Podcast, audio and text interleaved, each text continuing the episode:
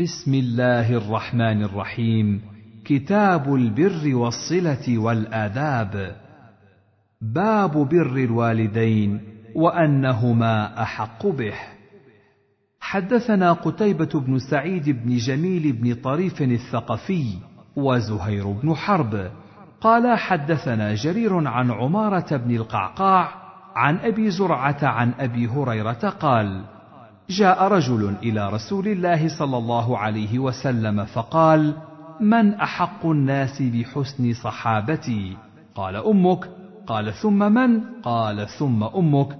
قال ثم من؟ قال ثم أمك. قال ثم من؟ قال ثم أبوك. وفي حديث قتيبة من أحق بحسن صحابتي ولم يذكر الناس.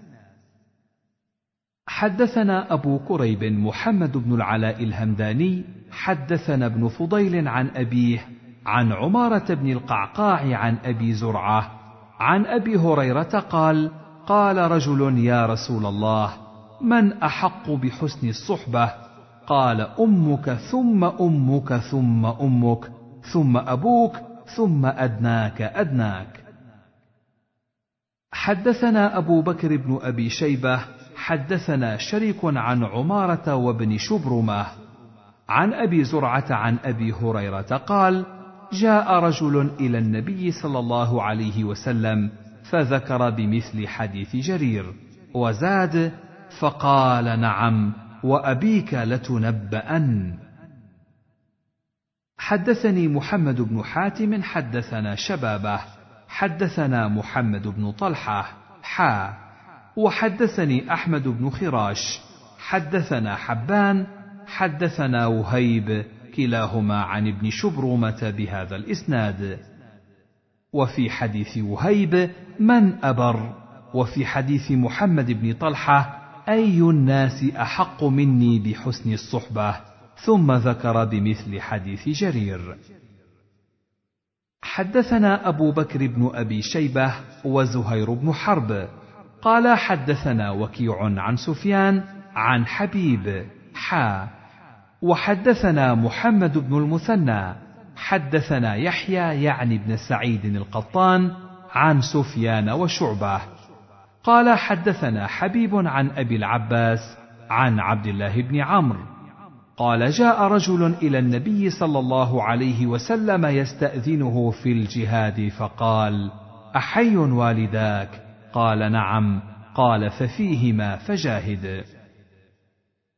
حدثنا عبيد الله بن معاذ حدثنا أبي حدثنا شعبة عن حبيب سمعت أبا العباس سمعت عبد الله بن عمرو بن العاص يقول جاء رجل إلى النبي صلى الله عليه وسلم فذكر بمثله.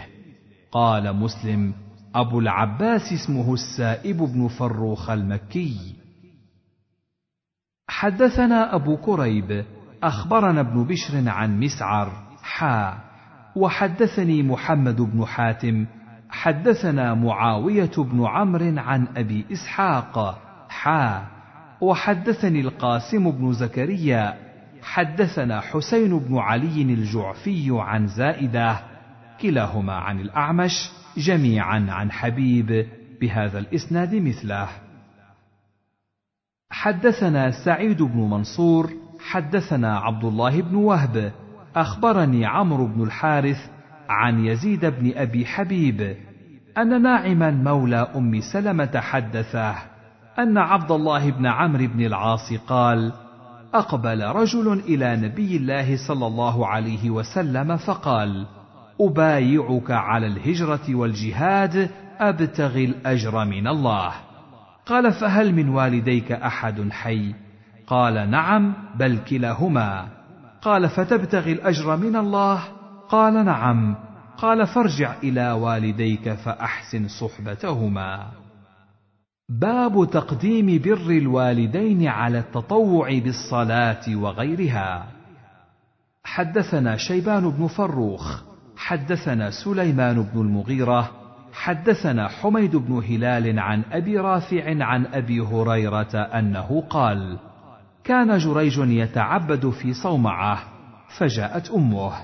قال حميد فوصف لنا أبو رافع صفة أبي هريرة لصفة رسول الله صلى الله عليه وسلم أمه حين دعته. كيف جعلت كفها فوق حاجبها ثم رفعت رأسها إليه تدعوه. فقالت يا جريج أنا أمك كلمني.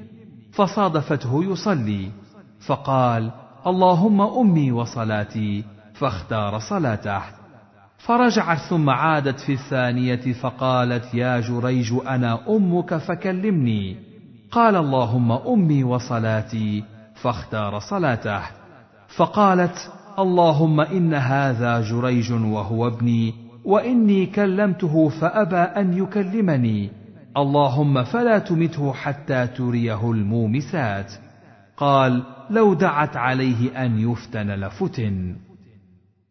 قال وكان راعي ضأن يأوي إلى ديره.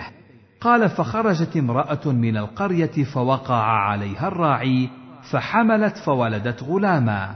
فقيل لها ما هذا؟ قالت من صاحب هذا الدير. قال فجاءوا بفؤسهم ومساحيهم. فنادوه فصادفوه يصلي فلم يكلمهم. قال فأخذوا يهدمون ديره. فلما رأى ذلك نزل إليهم. فقالوا له سل هذه. قال فتبسم ثم مسح رأس الصبي فقال من أبوك؟ قال أبي راعي الضأن. فلما سمعوا ذلك منه قالوا نبني ما هدمنا من ديرك بالذهب والفضة. قال لا ولكن أعيدوه ترابا كما كان ثم علاه.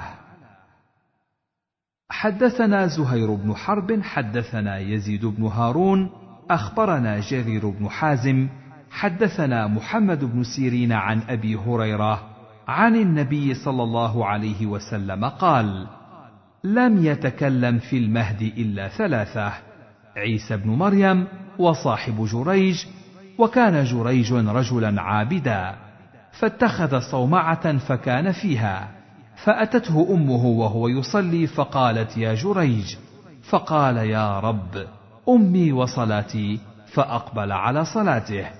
فانصرفت فلما كان من الغد أتته وهو يصلي فقالت يا جريج فقال يا رب أمي وصلاتي فأقبل على صلاته فانصرفت.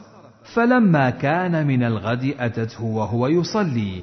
فقالت يا جريج فقال أي رب أمي وصلاتي. فأقبل على صلاته.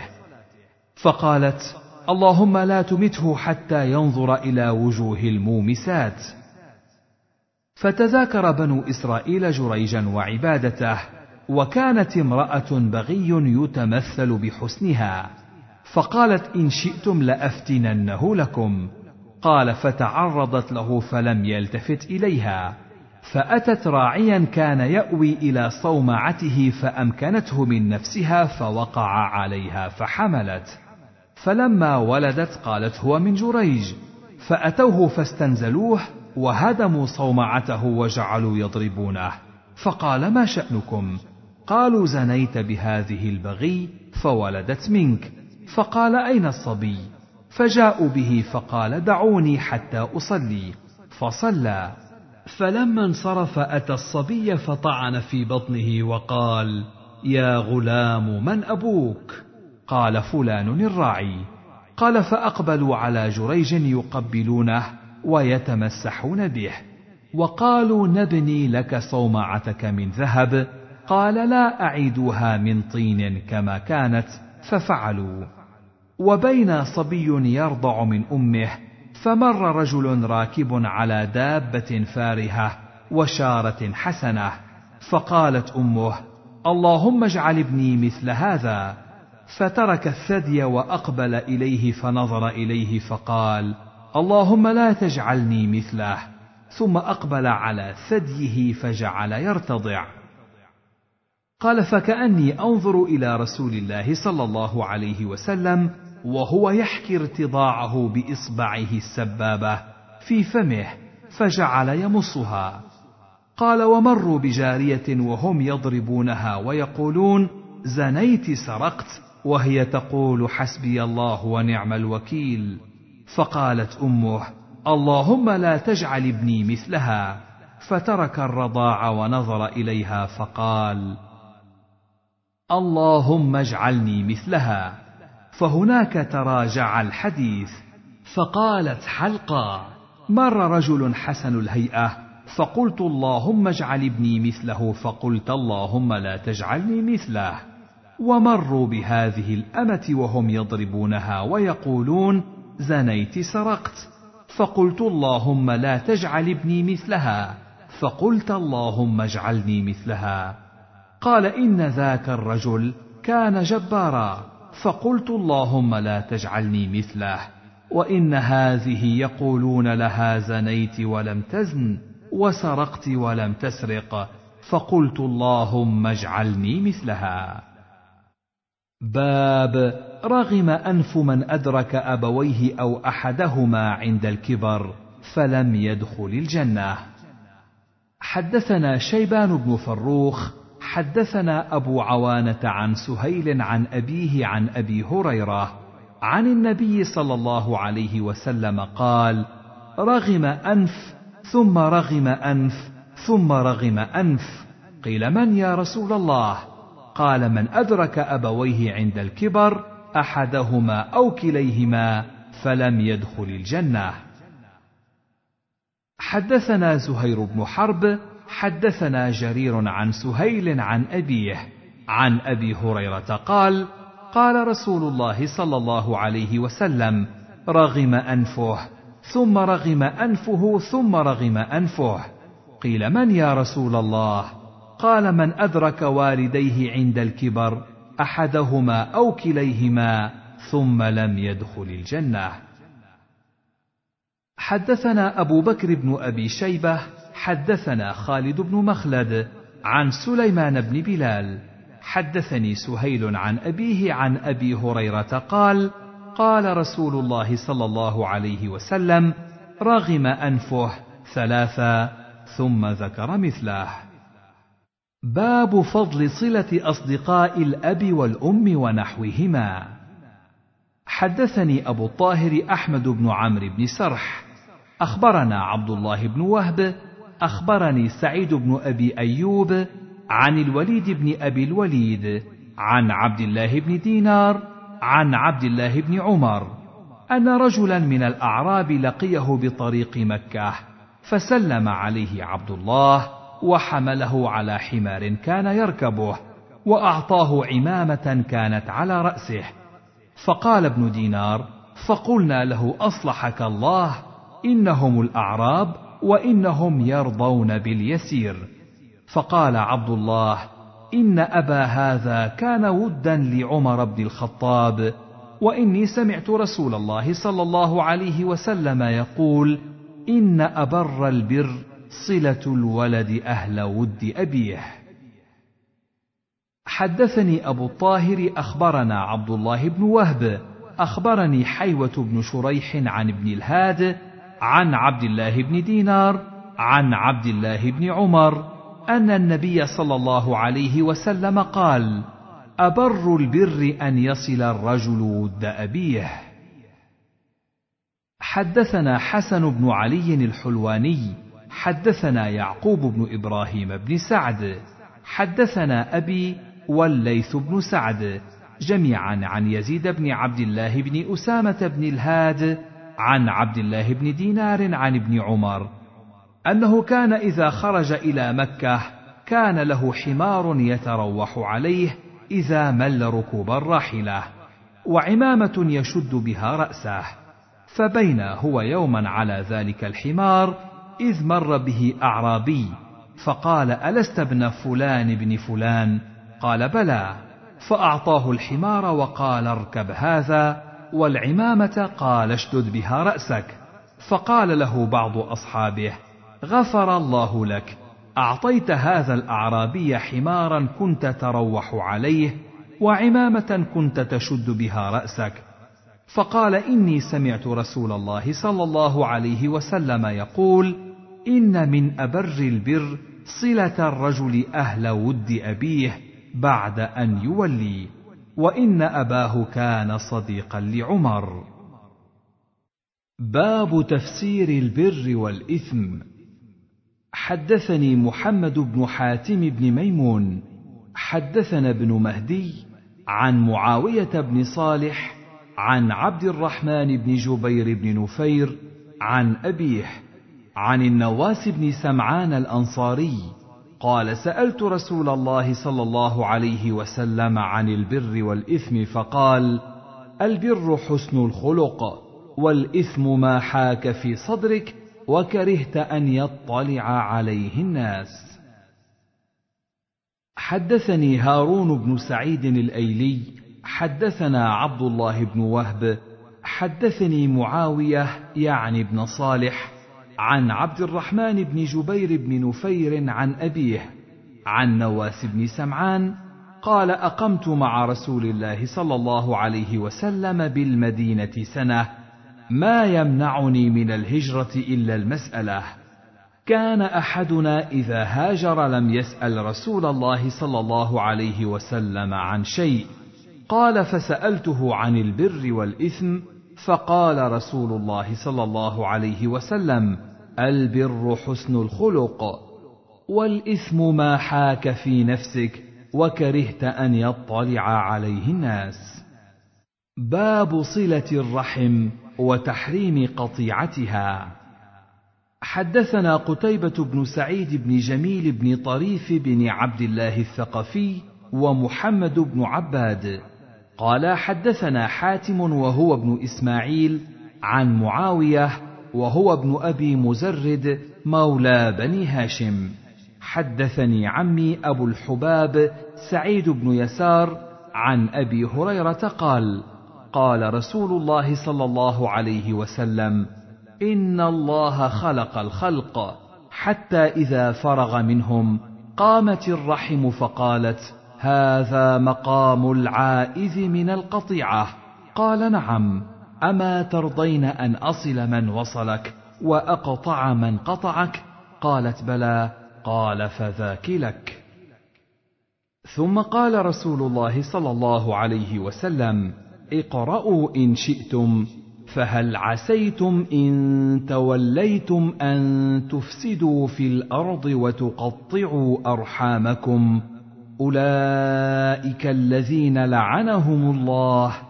فأصمهم وأعمى أبصارهم أفلا يتدبرون القرآن أم على قلوب أقفالها؟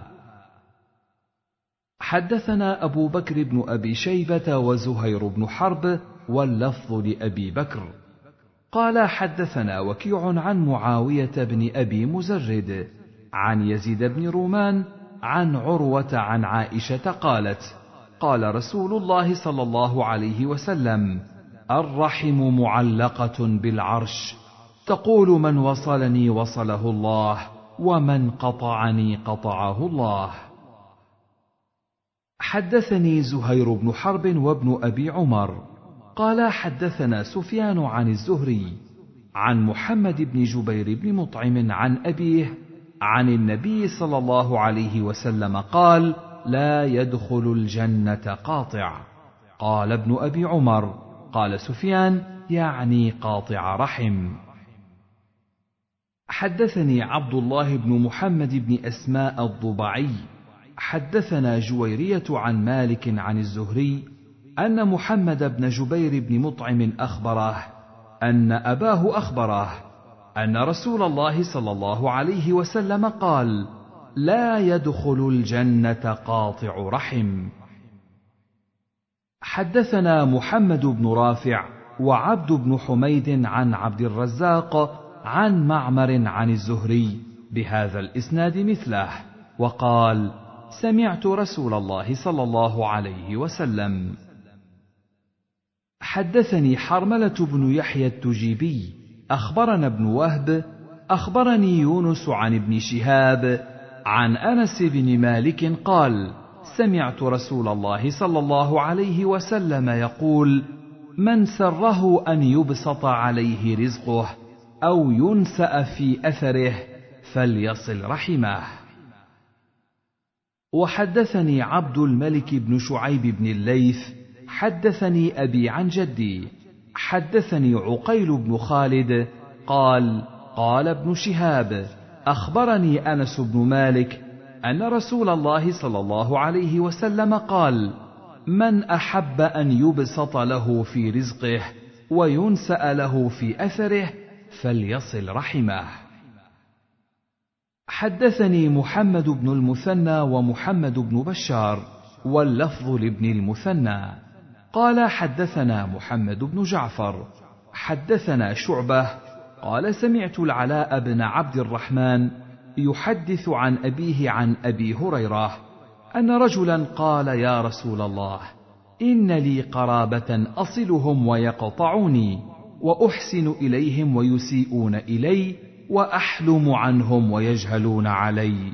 فقال لئن كنت كما قلت فكأنما تسفهم المل ولا يزال معك من الله ظهير عليهم. ما دمت على ذلك. باب تحريم التحاسد والتباغض والتدابر. حدثني يحيى بن يحيى قال قرأت على مالك عن ابن شهاب عن أنس بن مالك أن رسول الله صلى الله عليه وسلم قال لا تباغضوا ولا تحاسدوا ولا تدابروا وكونوا عباد الله إخوانا.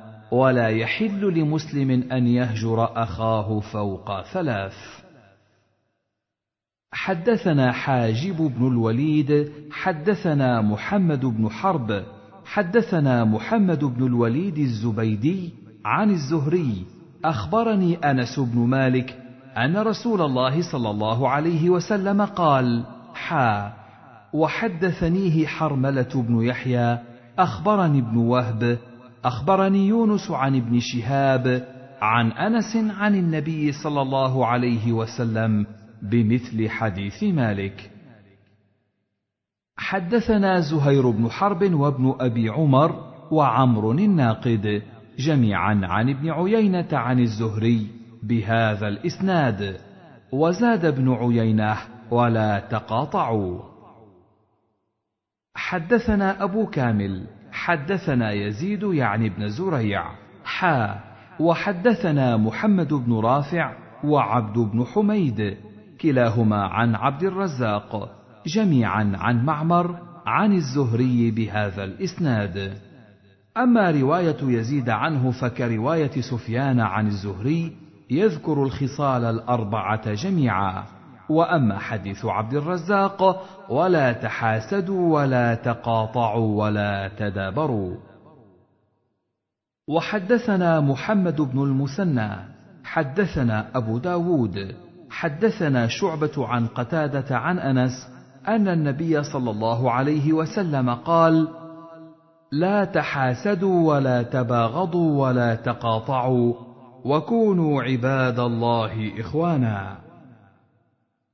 حدثنيه علي بن نصر الجهضمي حدثنا وهب بن جرير حدثنا شعبة بهذا الإسناد مثله وزاد كما أمركم الله.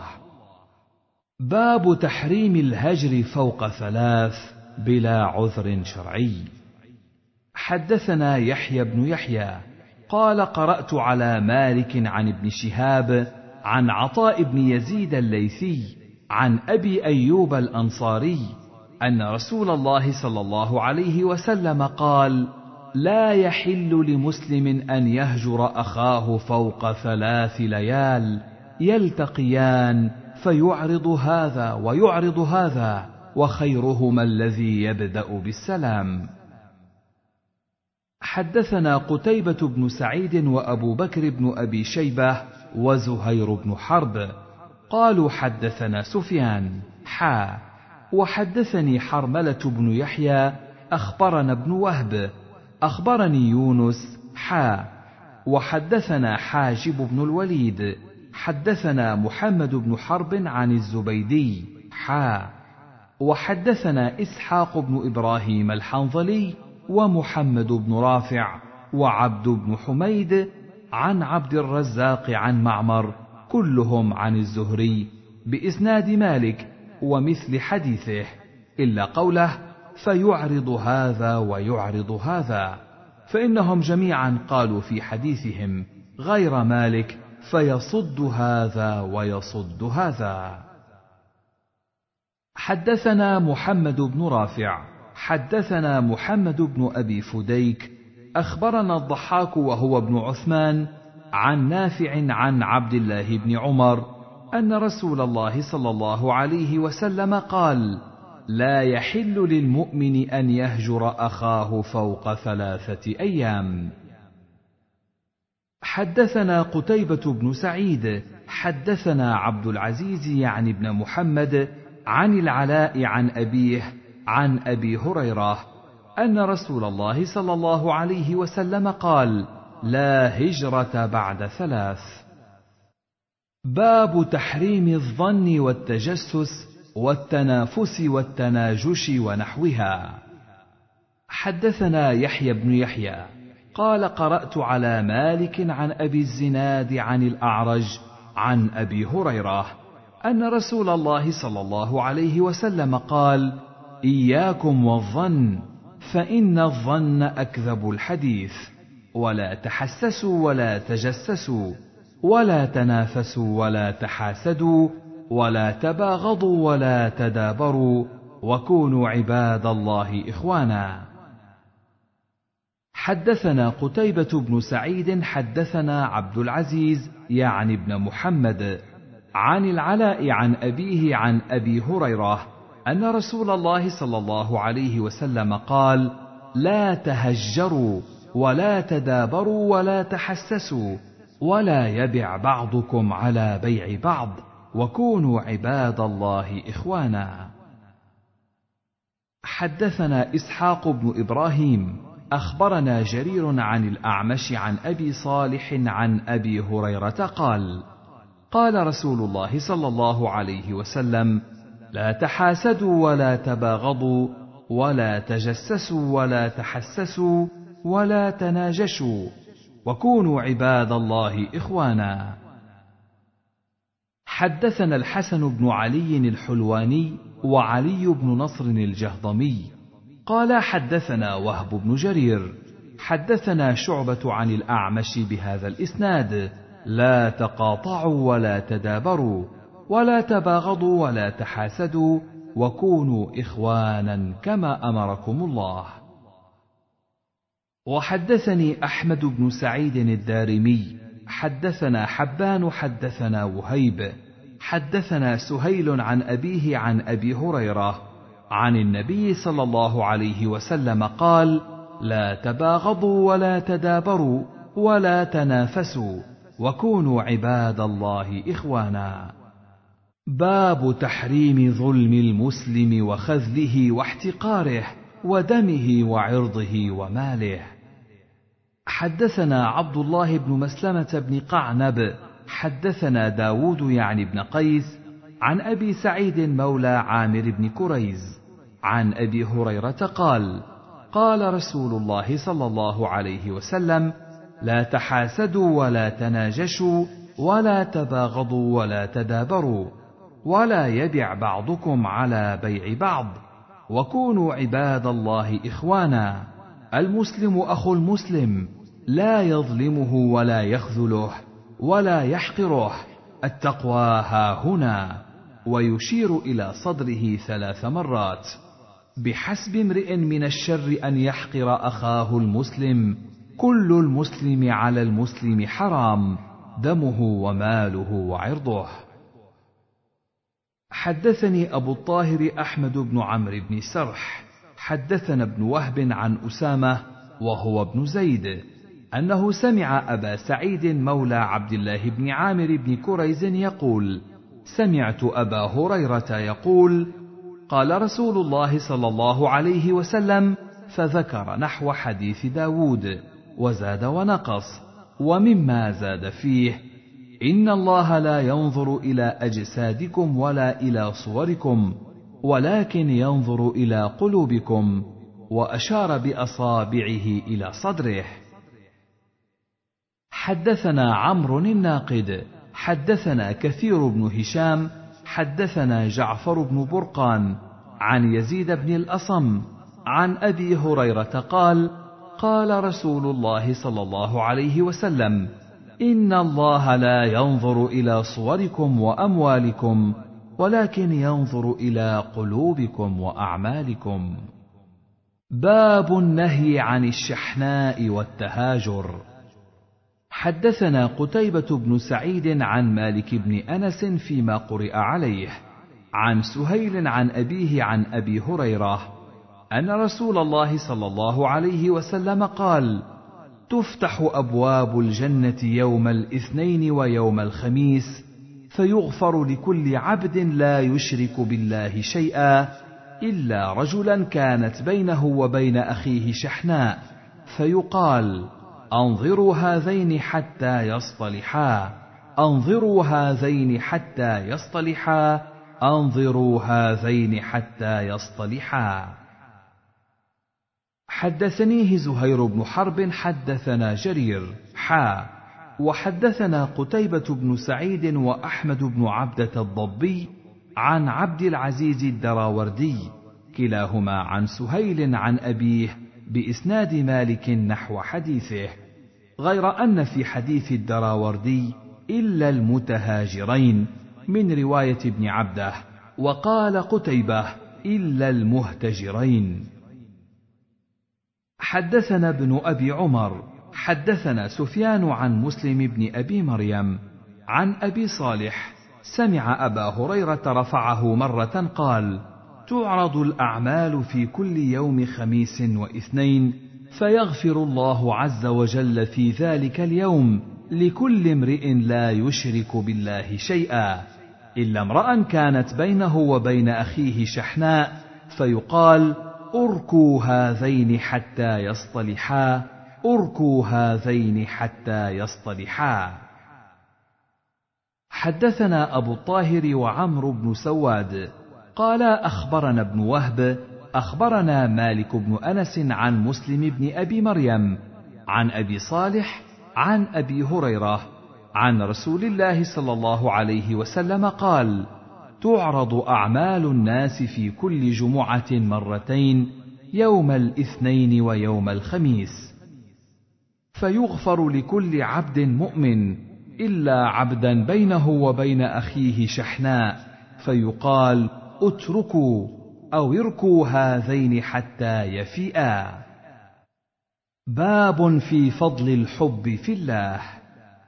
حدثنا قتيبة بن سعيد عن مالك بن أنس فيما قرئ عليه عن عبد الله بن عبد الرحمن بن معمر عن أبي الحباب سعيد بن يسار عن أبي هريرة قال قال رسول الله صلى الله عليه وسلم إن الله يقول يوم القيامة أين المتحابون بجلالي؟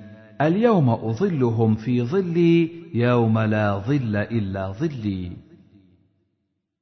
حدثني عبد الأعلى بن حماد حدثنا حماد بن سلمة عن ثابت عن أبي رافع عن أبي هريرة عن النبي صلى الله عليه وسلم أن رجلا زار أخا له في قرية أخرى فأرصد الله له على مدرجته ملكا فلما أتى عليه قال أين تريد؟ قال أريد أخا لي في هذه القرية. قال هل لك عليه من نعمة تربها؟ قال لا غير أني أحببته في الله عز وجل. قال فإني رسول الله إليك بأن الله قد أحبك كما أحببته فيه. قال الشيخ أبو أحمد أخبرني أبو بكر محمد بن زنجوية القشيري حدثنا عبد الأعلى بن حماد حدثنا حماد بن سلمة بهذا الإسناد نحوه. باب فضل عيادة المريض.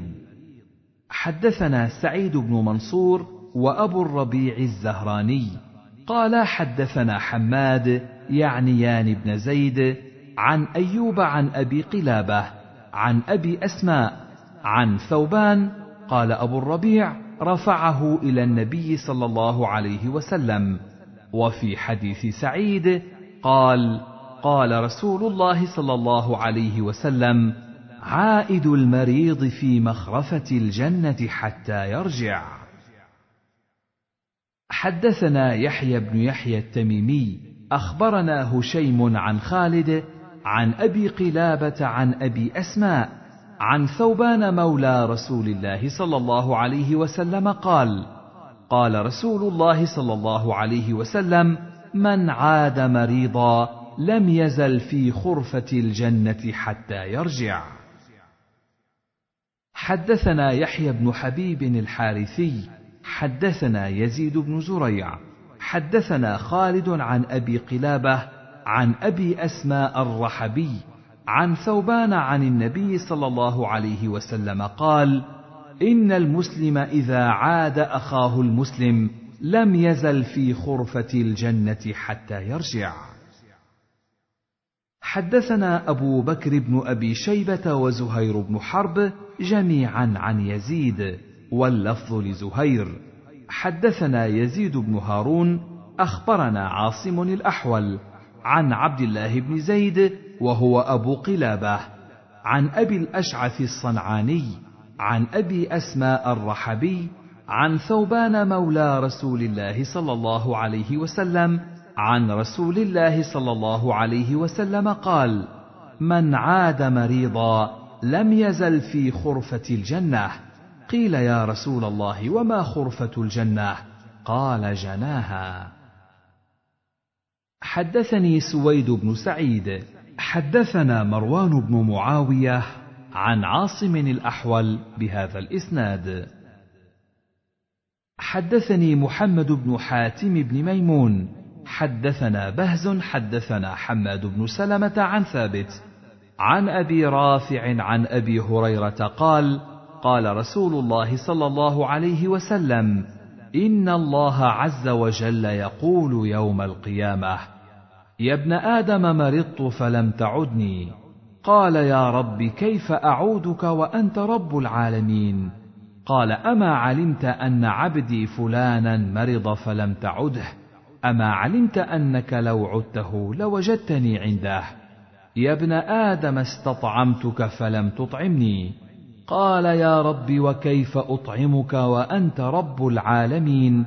قال أما علمت أنه استطعمك عبدي فلان فلم تطعمه؟ أما علمت أنك لو أطعمته لوجدت ذلك عندي.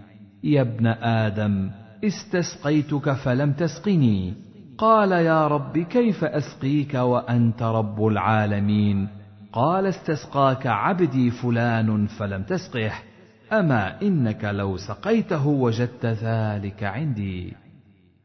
باب ثواب المؤمن فيما يصيبه من مرض أو حزن أو نحو ذلك حتى الشوكة يشاكها. حدثنا عثمان بن أبي شيبة وإسحاق بن إبراهيم قال إسحاق أخبرنا وقال عثمان حدثنا جرير عن الأعمش عن أبي وائل عن مسروق قال قالت عائشة ما رأيت رجلا أشد عليه الوجع من رسول الله صلى الله عليه وسلم وفي رواية عثمان مكان الوجع وجعا.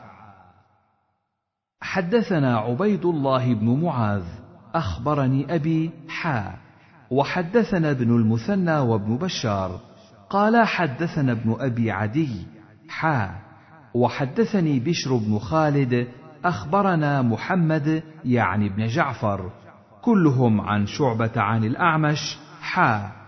وحدثني أبو بكر بن نافع حدثنا عبد الرحمن حا. وحدثنا ابن نمير حدثنا مصعب بن المقدام كلاهما عن سفيان عن الأعمش بإسناد جرير مثل حديثه. حدثنا عثمان بن أبي شيبة وزهير بن حرب وإسحاق بن إبراهيم قال إسحاق أخبرنا وقال الآخران حدثنا جرير عن الأعمش عن إبراهيم التيمي عن الحارث بن سويد عن عبد الله قال دخلت على رسول الله صلى الله عليه وسلم وهو يوعك فمسسته بيدي فقلت يا رسول الله إنك لتوعك وعكا شديدا فقال رسول الله صلى الله عليه وسلم أجل إني أوعك كما يوعك رجلان منكم. قال فقلت ذلك أن لك أجرين. فقال رسول الله صلى الله عليه وسلم أجل. ثم قال رسول الله صلى الله عليه وسلم ما من مسلم يصيبه أذى من مرض فما سواه إلا حط الله به سيئاته. كما تحط الشجرة ورقها وليس في حديث زهير فمسسته بيدي. حدثنا أبو بكر بن أبي شيبة وأبو كريب قال حدثنا أبو معاوية حا وحدثني محمد بن رافع حدثنا عبد الرزاق حدثنا سفيان حا وحدثنا إسحاق بن إبراهيم أخبرنا عيسى بن يونس ويحيى بن عبد الملك بن أبي غنية كلهم عن الأعمش بإسناد جرير نحو حديثه. وزاد في حديث أبي معاوية قال نعم والذي نفسي بيده ما على الأرض مسلم. حدثنا زهير بن حرب وإسحاق بن إبراهيم جميعا عن جرير. قال زهير حدثنا جرير عن منصور عن إبراهيم عن الأسود قال دخل شباب من قريش على عائشة وهي بمنى وهم يضحكون فقالت ما يضحككم؟ قالوا فلان خر على طنب فسطاط فكادت عنقه أو عينه أن تذهب فقالت لا تضحكوا فإني سمعت رسول الله صلى الله عليه وسلم قال ما من مسلم يشاك شوكة فما فوقها إلا كتبت له بها درجة ومحيت عنه بها خطيئة. وحدثنا أبو بكر بن أبي شيبة وأبو كريب واللفظ لهما حا. وحدثنا إسحاق الحنظلي قال إسحاق أخبرنا وقال الآخران حدثنا أبو معاوية عن الأعمش عن إبراهيم عن الأسود عن عائشة قالت قال رسول الله صلى الله عليه وسلم ما يصيب المؤمن من شوكة فما فوقها إلا رفعه الله بها درجة أو حط عنه بها خطيئة. حدثنا محمد بن عبد الله بن نمير حدثنا محمد بن بشر حدثنا هشام عن أبيه عن عائشة قالت قال رسول الله صلى الله عليه وسلم لا تصيب المؤمن شوكة فما فوقها إلا قص الله بها من خطيئته. حدثنا أبو كريب حدثنا أبو معاوية حدثنا هشام بهذا الإسناد. حدثني أبو الطاهر أخبرنا ابن وهب أخبرني مالك بن أنس ويونس بن يزيد عن ابن شهاب عن عروة بن الزبير عن عائشة أن رسول الله صلى الله عليه وسلم قال ما من مصيبة يصاب بها المسلم إلا كفر بها عنه حتى الشوكة يشاكها. حدثنا أبو الطاهر أخبرنا ابن وهب أخبرني مالك بن أنس عن يزيد بن خصيفة عن عروة بن الزبير عن عائشة زوج النبي صلى الله عليه وسلم أن رسول الله صلى الله عليه وسلم قال لا يصيب المؤمن من مصيبة حتى الشوكة إلا قص بها من خطاياه أو كفر بها من خطاياه. لا يدري يزيد أيتهما قال عروة. حدثني حرملة بن يحيى أخبرنا عبد الله بن وهب أخبرنا حيوة حدثنا ابن الهاد عن أبي بكر بن حزم عن عمرة عن عائشة قالت سمعت رسول الله صلى الله عليه وسلم يقول ما من شيء يصيب المؤمن حتى الشوكة تصيبه إلا كتب الله له بها حسنة أو حطت عنه بها خطيئة. حدثنا أبو بكر بن أبي شيبة وأبو كريب قال حدثنا أبو أسامة عن الوليد بن كثير عن محمد بن عمرو بن عطاء عن عطاء بن يسار عن أبي سعيد وأبي هريرة أنهما سمعا رسول الله صلى الله عليه وسلم يقول ما يصيب المؤمن من وصب ولا نصب ولا سقم ولا حزن حتى الهم يهمه إلا كفر به من سيئاته. حدثنا قتيبة بن سعيد وأبو بكر بن أبي شيبة كلاهما عن ابن عيينة واللفظ لقتيبة. حدثنا سفيان عن ابن محيص شيخ من قريش سمع محمد بن قيس بن مخرمة يحدث عن أبي هريرة قال لما نزلت من يعمل سوءا يجز به بلغت من المسلمين مبلغا شديدا.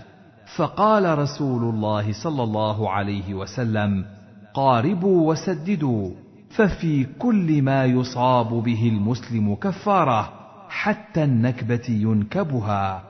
أو الشوكة يشاكها. قال مسلم هو عمر بن عبد الرحمن بن محيص من أهل مكة. حدثني عبيد الله بن عمر القواريري. حدثنا يزيد بن زريع. حدثنا الحجاج الصواف. حدثني أبو الزبير. حدثنا جابر بن عبد الله أن رسول الله صلى الله عليه وسلم دخل على أم السائب أو أم المسيب. فقال ما لك يا أم السائب أو يا أم المسيب تزفزفين؟ قالت الحمى لا بارك الله فيها. فقال لا تسب الحمى فإنها تذهب خطايا بني آدم كما يذهب الكير خبث الحديد. حدثنا عبيد الله بن عمر القواريري حدثنا يحيى بن سعيد وبشر بن المفضل. قال حدثنا عمران أبو بكر حدثني عطاء بن أبي رباح. قال قال لابن عباس ألا أريك امرأة من أهل الجنة؟ قلت بلى. قال هذه المرأة السوداء. أتت النبي صلى الله عليه وسلم قالت إني أسرع. وإني أتكشف فادعوا الله لي. قال إن شئت صبرت ولك الجنة وإن شئت دعوت الله أن يعافيك. قالت أصبر. قالت فإني أتكشف فادعوا الله أن لا أتكشف. فدعا لها. باب تحريم الظلم. حدثنا عبد الله بن عبد الرحمن بن بهرام الدارمي حدثنا مروان يعني بن محمد الدمشقي. حدثنا سعيد بن عبد العزيز عن ربيعة بن يزيد عن أبي إدريس الخولاني عن أبي ذر عن النبي صلى الله عليه وسلم فيما روى عن الله تبارك وتعالى أنه قال يا عبادي إني حرمت الظلم على نفسي وجعلته بينكم محرما فلا تظالموا. يا عبادي كلكم ضال إلا من هديته فاستهدوني أهدكم. يا عبادي كلكم جائع إلا من أطعمته فاستطعموني أطعمكم. يا عبادي كلكم عار إلا من كسوته فاستكسوني أكسكم. يا عبادي إنكم تخطئون بالليل والنهار وأنا أغفر الذنوب جميعا فاستغفروني أغفر لكم. يا عبادي إنكم لن تبلغوا ضري فتضروني ولن تبلغوا نفعي فتنفعوني يا عبادي لو أن أولكم وآخركم وإنسكم وجنكم كانوا على أتقى قلب رجل واحد منكم ما زاد ذلك في ملكي شيئا. يا عبادي لو أن أولكم وآخركم وإنسكم وجنكم كانوا على أفجر قلب رجل واحد ما نقص ذلك من ملكي شيئا. يا عبادي لو أن أولكم وآخركم وإنسكم وجنكم قاموا في صعيد واحد فسألوني فأعطيت كل إنسان مسألته ما نقص ذلك مما عندي إلا كما ينقص المخيط إذا أدخل البحر. يا عبادي إنما هي أعمالكم أحصيها لكم ثم أوفيكم إياها. فمن وجد خيرا فليحمد الله ومن وجد غير ذلك فلا يلومن إلا نفسه. قال سعيد كان أبو إدريس الخولاني إذا حدث بهذا الحديث جثى على ركبتيه. حدثنيه أبو بكر بن إسحاق حدثنا أبو مسهر حدثنا سعيد بن عبد العزيز بهذا الإسناد غير أن مروان أتمهما حديثا. قال أبو إسحاق حدثنا بهذا الحديث الحسن والحسين ابن بشر ومحمد بن يحيى. قالوا حدثنا أبو مسهر فذكروا الحديث بطوله. حدثنا إسحاق بن إبراهيم ومحمد بن المثنى. كلاهما عن عبد الصمد بن عبد الوارث حدثنا همام. حدثنا قتادة عن أبي قلابة عن أبي أسماء عن أبي ذر. قال قال رسول الله صلى الله عليه وسلم فيما يروي عن ربه تبارك وتعالى. إني حرمت على نفسي الظلم وعلى عبادي فلا تظالموا وساق الحديث بنحوه. وحديث أبي إدريس الذي ذكرناه أتم من هذا. حدثنا عبد الله بن مسلمة بن قعنب حدثنا داود يعني بن قيس عن عبيد الله بن مقسم عن جابر بن عبد الله أن رسول الله صلى الله عليه وسلم قال اتقوا الظلم فإن الظلم ظلمات يوم القيامة. واتقوا الشح فإن الشح أهلك من كان قبلكم. حملهم على أن سفكوا دماءهم واستحلوا محارمهم. حدثني محمد بن حاتم حدثنا شبابه حدثنا عبد العزيز الماجشون عن عبد الله بن دينار عن ابن عمر. قال قال رسول الله صلى الله عليه وسلم إن الظلم ظلمات يوم القيامة. حدثنا قتيبة بن سعيد حدثنا ليث عن عقيل عن الزهري عن سالم عن أبيه أن رسول الله صلى الله عليه وسلم قال المسلم أخو المسلم لا يظلمه ولا يسلمه من كان في حاجة أخيه. كان الله في حاجته. ومن فرج عن مسلم كربة فرج الله عنه بها كربة من كرب يوم القيامة. ومن ستر مسلما ستره الله يوم القيامة. حدثنا قتيبة بن سعيد وعلي بن حجر. قال حدثنا إسماعيل وهو ابن جعفر. عن العلاء عن أبيه عن أبي هريرة. أن رسول الله صلى الله عليه وسلم قال: أتدرون ما المفلس؟ قالوا: المفلس فينا من لا درهم له ولا متاع. فقال: إن المفلس من أمتي يأتي يوم القيامة بصلاة وصيام وزكاة ويأتي قد شتم هذا وقذف هذا وأكل مال هذا وسفك دم هذا وضرب هذا فيعطى هذا من حسناته وهذا من حسناته. فإن فنيت حسناته قبل أن يقضى ما عليه أخذ من خطاياهم فطرحت عليه ثم طرح في النار.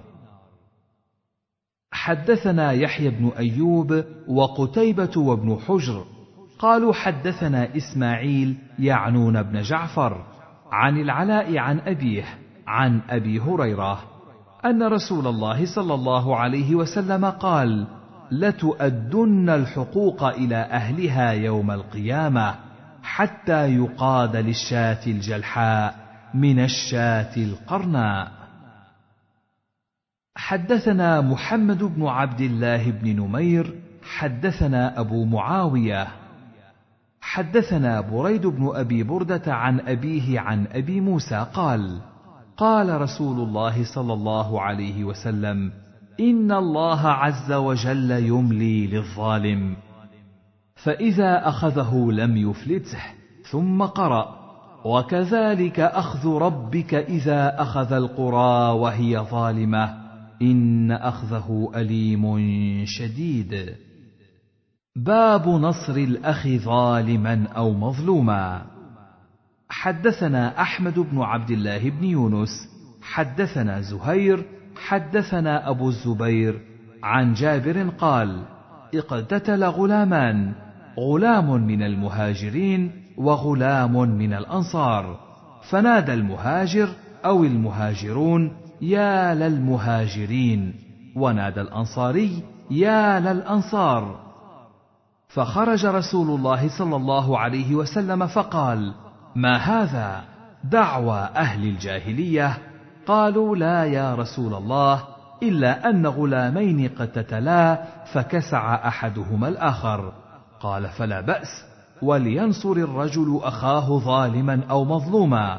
إن كان ظالما فلينهه فإنه له نصر وإن كان مظلوما فلينصره. حدثنا أبو بكر بن أبي شيبة وزهير بن حرب وأحمد بن عبدة الضبي وابن أبي عمر واللفظ لابن أبي شيبة. قال ابن عبدة أخبرنا وقال الآخرون حدثنا سفيان بن عيينة. قال سمع عمرو جابر بن عبد الله يقول كنا مع النبي صلى الله عليه وسلم في غزاة فكسع رجل من المهاجرين رجلا من الأنصار. فقال الأنصاري يا للأنصار. وقال المهاجري يا للمهاجرين.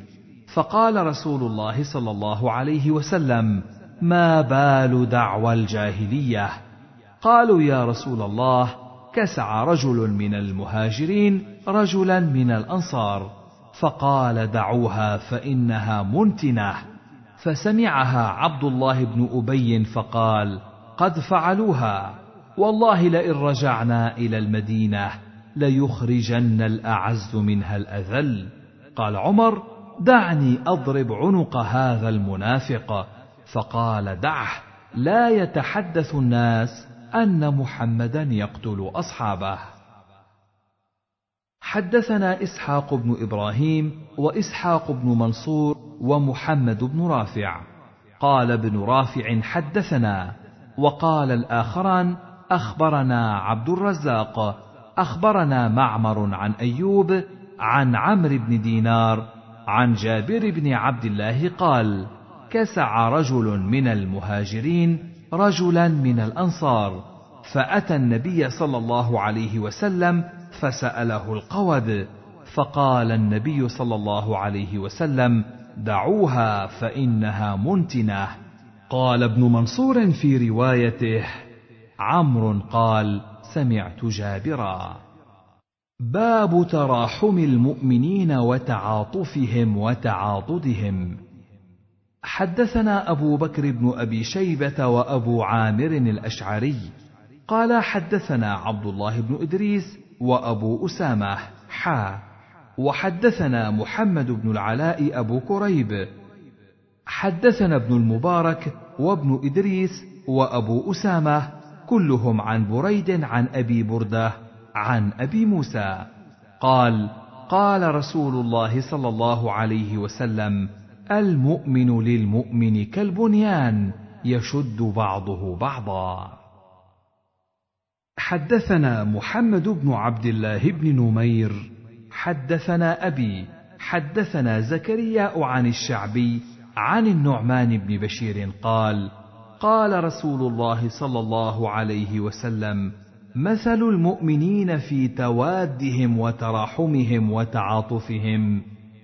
مثل الجسد إذا اشتكى منه عضو تداعى له سائر الجسد بالسهر والحمى.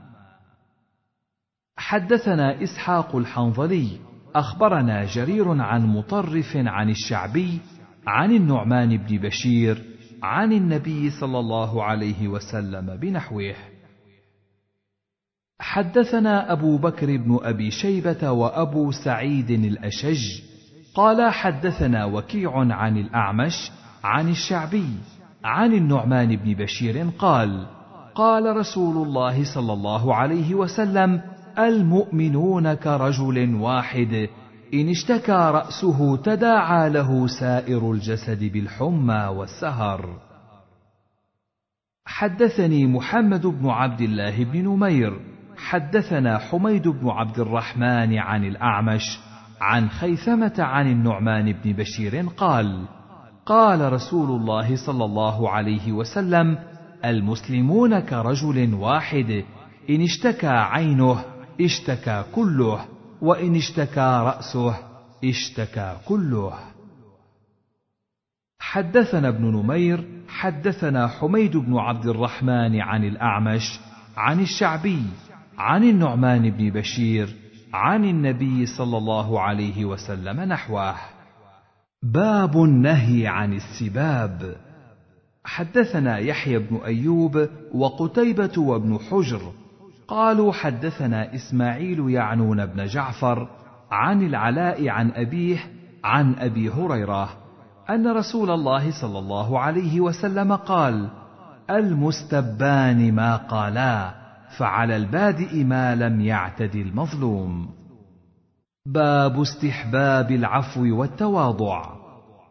حدثنا يحيى بن أيوب وقتيبة وابن حجر قالوا حدثنا إسماعيل وهو ابن جعفر عن العلاء عن أبيه عن أبي هريرة عن رسول الله صلى الله عليه وسلم قال ما نقصت صدقة من مال وما زاد الله عبدا بعفو إلا عزا وما تواضع أحد لله إلا رفعه الله. باب تحريم الغيبة. حدثنا يحيى بن أيوب وقتيبة وابن حجر قالوا حدثنا إسماعيل عن العلاء عن أبيه عن أبي هريرة أن رسول الله صلى الله عليه وسلم قال أتدرون ما الغيبة؟ قالوا الله ورسوله أعلم. قال ذكرك أخاك بما يكره. قيل أفرأيت إن كان في أخي ما أقول؟ قال إن كان فيه ما تقول فقد اغتبته وإن لم يكن فيه. فقد بهته. باب بشارة من ستر الله تعالى عيبه في الدنيا بأن يستر عليه في الآخرة. حدثني أمية بن بسطام العيشي. حدثنا يزيد يعني بن زريع. حدثنا روح عن سهيل عن أبيه عن أبي هريرة عن النبي صلى الله عليه وسلم قال لا يستر الله على عبد في الدنيا إلا ستره الله يوم القيامة. حدثنا أبو بكر بن أبي شيبة حدثنا عفان حدثنا وهيب حدثنا سهيل عن أبيه عن أبي هريرة عن النبي صلى الله عليه وسلم قال لا يستر عبد عبدا في الدنيا إلا ستره الله يوم القيامة. باب مداراه من يتقى فحشه. حدثنا قتيبة بن سعيد وأبو بكر بن أبي شيبة وعمر الناقد وزهير بن حرب وابن نمير كلهم عن ابن عيينة واللفظ لزهير. قال حدثنا سفيان وهو ابن عيينة عن ابن المنكدر. سمع عروة بن الزبير يقول حدثتني عائشة أن رجلا استأذن على النبي صلى الله عليه وسلم فقال اذنوا له فلبئس ابن العشيرة أو بئس رجل العشيرة. فلما دخل عليه ألان له القول. قالت عائشة فقلت يا رسول الله قلت له الذي قلت ثم ألنت له القول. قال يا عائشة إن شر الناس منزلة عند الله يوم القيامة من ودعه أو تركه الناس اتقاء فحشه. حدثني محمد بن رافع وعبد بن حميد كلاهما عن عبد الرزاق. أخبرنا معمر عن ابن المنكدر في هذا الإسناد مثل معناه غير أنه قال بئس اخو القوم وابن العشيرة باب فضل الرفق. حدثنا محمد بن المثنى حدثني يحيى بن سعيد عن سفيان حدثنا منصور عن تميم بن سلمة عن عبد الرحمن بن هلال عن جرير عن النبي صلى الله عليه وسلم قال من يحرم الرفق يحرم الخير.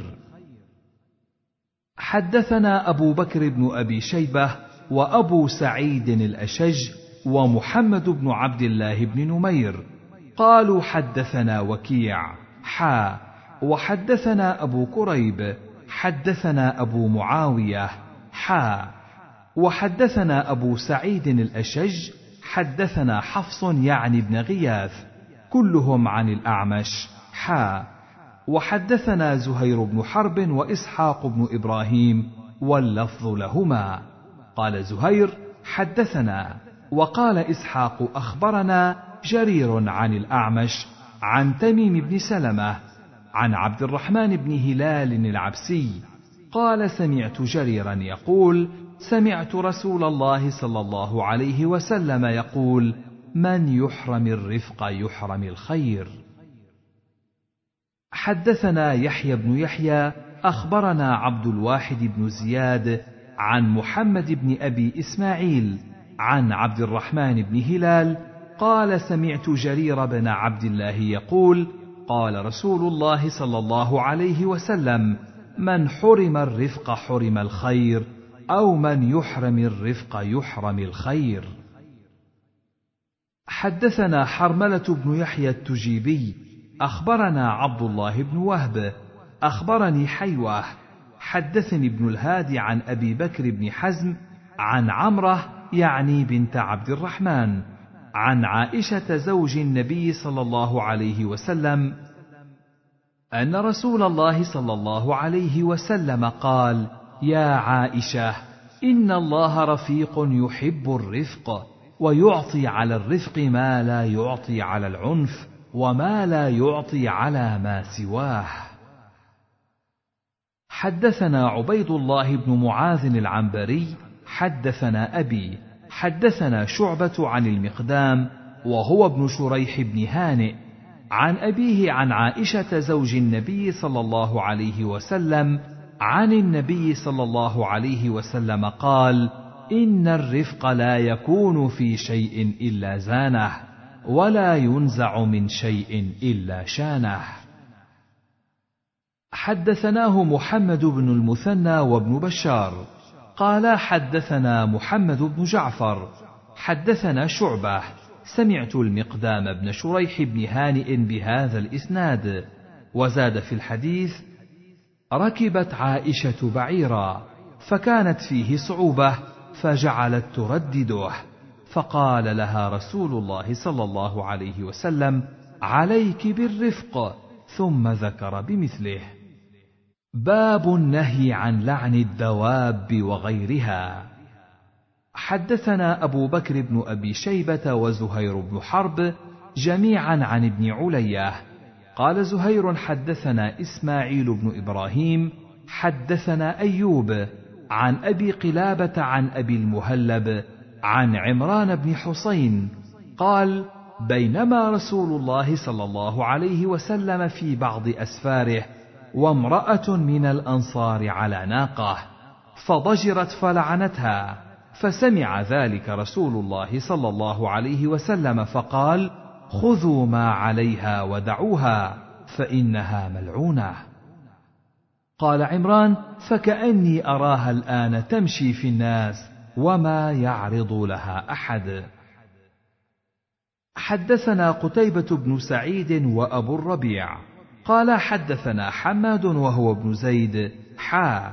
وحدثنا ابن أبي عمر حدثنا الثقفي كلاهما عن أيوب بإسناد إسماعيل نحو حديثه. إلا أن في حديث حماد قال عمران فكأني أنظر إليها ناقة ورقاء وفي حديث الثقفي فقال خذوا ما عليها وأعروها فإنها ملعونة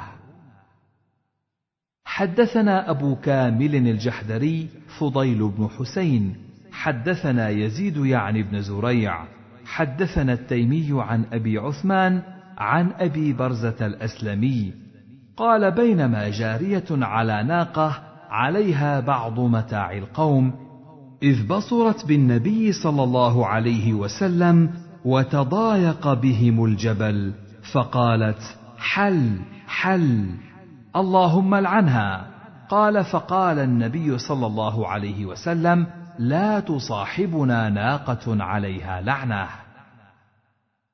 حدثنا محمد بن عبد الأعلى حدثنا المعتمر حا. وحدثني عبيد الله بن سعيد حدثنا يحيى يعني بن سعيد جميعا عن سليمان التيمي بهذا الإسناد. وزاد في حديث المعتمر لا أيم الله لا تصاحبنا راحلة عليها لعنة من الله أو كما قال. حدثنا هارون بن سعيد الأيلي حدثنا ابن وهب أخبرني سليمان وهو ابن بلال عن العلاء بن عبد الرحمن حدثه عن أبيه عن أبي هريرة أن رسول الله صلى الله عليه وسلم قال لا ينبغي لصديق أن يكون لعانا. حدثنيه أبو كريب حدثنا خالد بن مخلد عن محمد بن جعفر عن العلاء بن عبد الرحمن بهذا الإسناد مثله. حدثني سويد بن سعيد حدثني حفص بن ميسرة عن زيد بن أسلم أن عبد الملك بن مروان بعث إلى أم الدرداء بأنجاد من عنده. فلما أن كان ذات ليلة قام عبد الملك من الليل فدعا خادمه فكأنه أبطأ عليه فلعنه. فلما أصبح قالت له أم الدرداء سمعتك الليلة لعنت خادمك حين دعوته. فقالت سمعت أبا الدرداء يقول قال رسول الله صلى الله عليه وسلم لا يكون اللعانون شفعاء ولا شهداء يوم القيامة. حدثنا أبو بكر بن أبي شيبة وأبو غسان المسمعي وعاصم بن النضر التيمي قالوا حدثنا معتمر بن سليمان حا وحدثنا إسحاق بن إبراهيم أخبرنا عبد الرزاق كلاهما عن معمر عن زيد بن أسلم في هذا الإسناد بمثل معنى حديث حفص بن ميسرة. حدثنا أبو بكر بن أبي شيبة حدثنا معاوية بن هشام عن هشام بن سعد عن زيد بن أسلم وأبي حازم عن أم الدرداء عن أبي الدرداء. سمعت رسول الله صلى الله عليه وسلم يقول ان اللعانين لا يكونون شهداء ولا شفعاء يوم القيامه. حدثنا محمد بن عباد وابن ابي عمر. قال حدثنا مروان يعنيان الفزاري عن يزيد وهو ابن كيسان عن ابي حازم عن ابي هريره. قال قيل يا رسول الله ادع على المشركين. قال اني لم ابعث لعانا. وإنما بعثت رحمه. باب من لعنه النبي صلى الله عليه وسلم أو سبه أو دعا عليه وليس هو أهلا لذلك كان له زكاة وأجرا ورحمة. حدثنا زهير بن حرب حدثنا جرير عن الأعمش عن أبي الضحى عن مسروق عن عائشة. قالت دخل على رسول الله صلى الله عليه وسلم رجلان فكلماه بشيء لا أدري ما هو فأغضباه فلعنهما وسبهما. فلما خرجا قلت يا رسول الله من أصاب من الخير شيئا ما أصابه هذان؟ قال وما ذاك؟ قالت قلت لعنتهما وسببتهما. قال أوما علمت ما شارطت عليه ربي قلت اللهم إنما أنا بشر فأي المسلمين لعنته أو سببته فاجعله له زكاة وأجرا. حدثناه أبو بكر بن أبي شيبة وأبو كريب قال حدثنا أبو معاوية حا وحدثناه علي بن حجر السعدي وإسحاق بن إبراهيم وعلي بن خشرم جميعا عن عيسى بن يونس كلاهما عن الأعمش بهذا الإسناد نحو حديث جرير.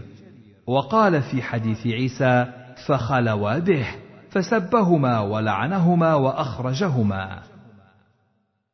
حدثنا محمد بن عبد الله بن نمير حدثنا أبي حدثنا الأعمش عن أبي صالح عن أبي هريرة قال قال رسول الله صلى الله عليه وسلم اللهم إنما أنا بشر فأيما رجل من المسلمين سببته أو لعنته أو جلدته فاجعلها له زكاة ورحمة.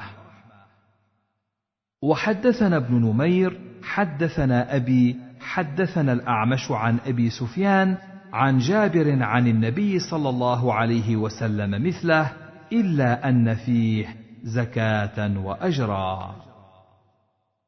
حدثنا أبو بكر بن أبي شيبة وأبو كريب قال حدثنا أبو معاوية حا وحدثنا إسحاق بن إبراهيم أخبرنا عيسى بن يونس كلاهما عن الأعمش بإسناد عبد الله بن نمير مثل حديثه غير أن في حديث عيسى جعل وأجرى في حديث أبي هريرة وجعل ورحمة في حديث جابر. حدثنا قتيبة بن سعيد حدثنا المغيرة يعني ابن عبد الرحمن الحزامي عن أبي الزناد عن الأعرج عن أبي هريرة أن النبي صلى الله عليه وسلم قال: اللهم إني أتخذ عندك عهدا لن تخلفنيه، فإنما أنا بشر، فأي المؤمنين آذيته، شتمته لعنته جلدته، فاجعلها له صلاة وزكاة وقربة تقربه بها إليك يوم القيامة. حدثناه ابن أبي عمر، حدثنا سفيان حدثنا أبو الزناد بهذا الإسناد نحوه إلا أنه قال أو جلده قال أبو الزناد وهي لغة أبي هريرة وإنما هي جلدته حدثني سليمان بن معبد حدثنا سليمان بن حرب حدثنا حماد بن زيد عن أيوب عن عبد الرحمن الأعرج عن أبي هريرة عن النبي صلى الله عليه وسلم بنحوه. حدثنا قتيبة بن سعيد حدثنا ليث عن سعيد بن أبي سعيد عن سالم مولى النصريين. قال سمعت أبا هريرة يقول سمعت رسول الله صلى الله عليه وسلم يقول اللهم إنما محمد بشر يغضب كما يغضب البشر وإني قد اتخذت عندك عهدا لن تخلفنيه فأيما مؤمن آذيته أو سببته أو جلدته فاجعلها له كفارة وقربة تقربه بها إليك يوم القيامة. حدثني حرملة بن يحيى أخبرنا ابن وهب أخبرني يونس عن ابن شهاب أخبرني سعيد بن المسيب عن أبي هريرة أنه سمع رسول الله صلى الله عليه وسلم يقول اللهم فأيما عبد مؤمن سببته فاجعل ذلك له قربة إليك يوم القيامة. حدثني زهير بن حرب وعبد بن حميد. قال زهير حدثنا يعقوب بن إبراهيم حدثنا ابن أخي بن شهاب عن عمه. حدثني سعيد بن المسيب عن أبي هريرة أنه قال سمعت رسول الله صلى الله عليه وسلم يقول اللهم إني اتخذت عندك عهدا لن تخلفنيه فأيما مؤمن سببته أو جلدته؟ فاجعل ذلك كفارة له يوم القيامة. حدثني هارون بن عبد الله وحجاج بن الشاعر. قال حدثنا حجاج بن محمد. قال قال ابن جريج أخبرني أبو الزبير أنه سمع جابر بن عبد الله يقول سمعت رسول الله صلى الله عليه وسلم يقول إنما أنا بشر. وإني اشترطت على ربي عز وجل أي عبد من المسلمين سببته أو شتمته أن يكون ذلك له زكاة وأجرا. حدثنيه ابن أبي خلف حدثنا روح حا وحدثناه عبد بن حميد حدثنا أبو عاصم جميعا عن ابن جريج بهذا الإسناد مثله. حدثني زهير بن حرب وأبو معن الرقاشي واللفظ لزهير. قال حدثنا عمر بن يونس حدثنا عكرمة بن عمار حدثنا إسحاق بن أبي طلحة حدثني أنس بن مالك قال كانت عند أم سليم يتيمة وهي أم أنس فرأى رسول الله صلى الله عليه وسلم اليتيمة فقال آنت هي. لقد كبرت لا كبر سنك فرجعت اليتيمة إلى أم سليم تبكي فقالت أم سليم ما لك يا بنيه؟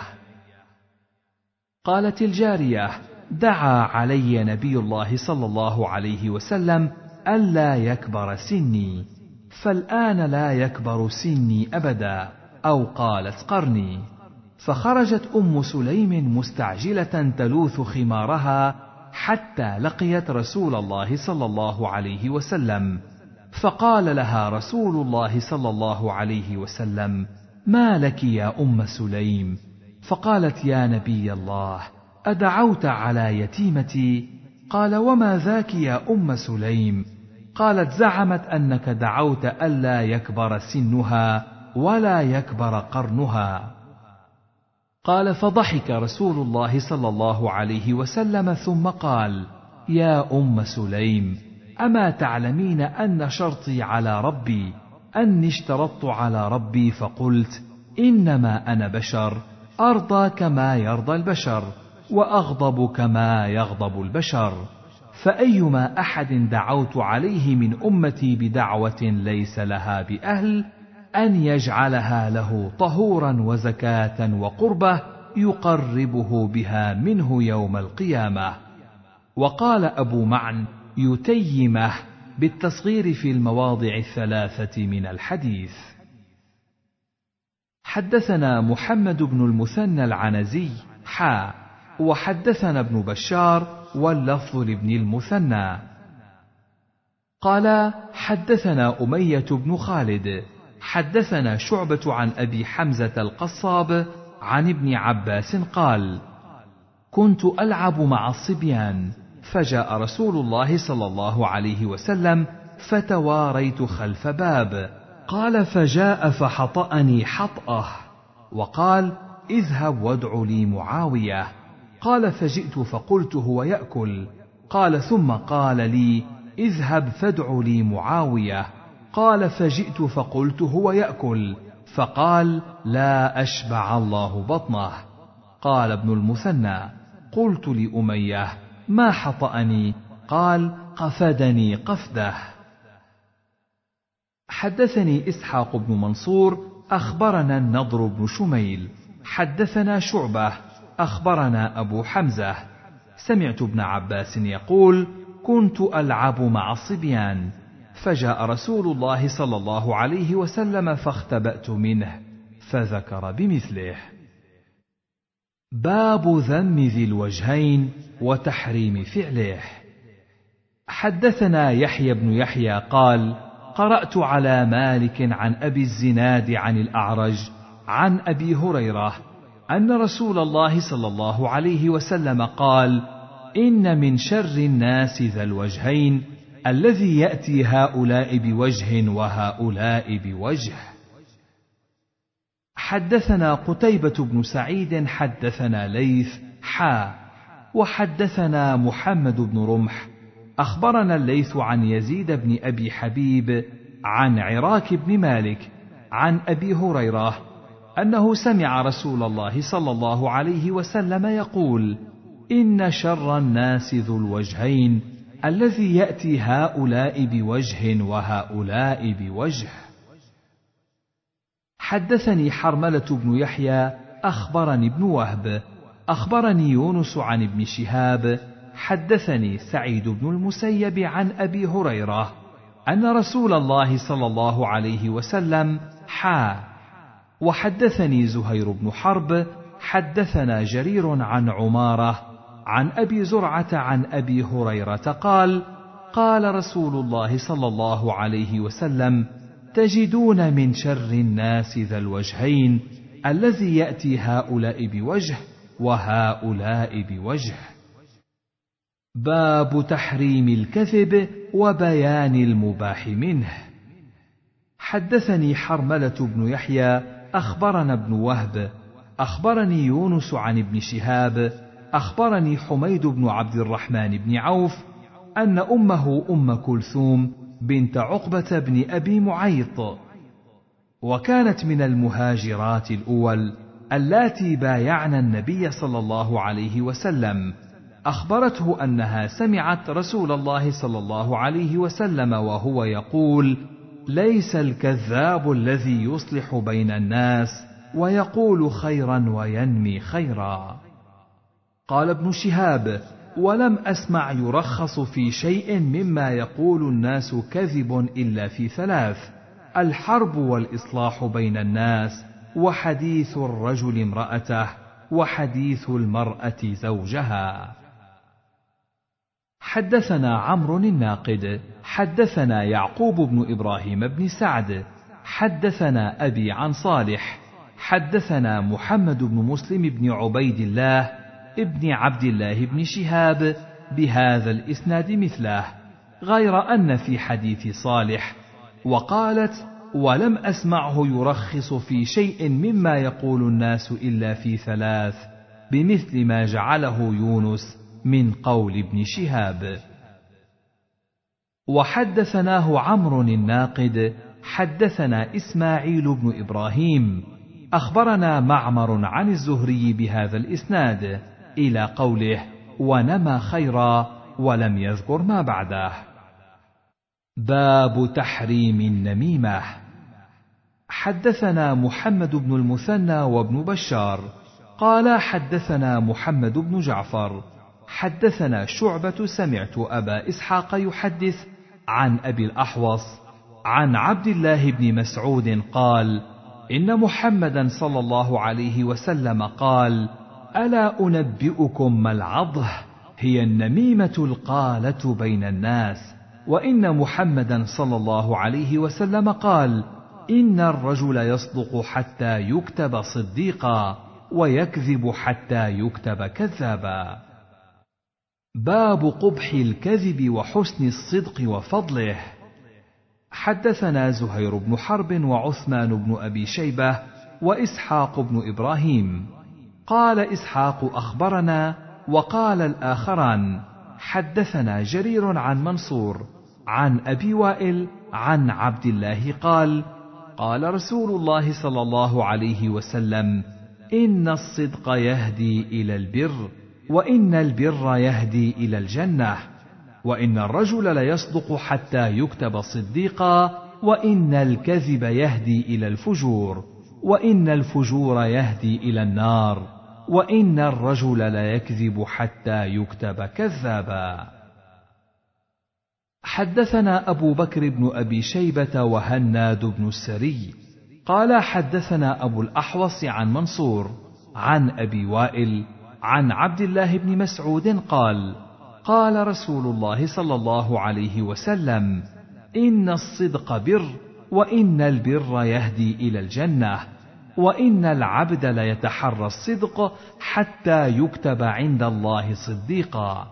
وإن الكذب فجور وإن الفجور يهدي إلى النار.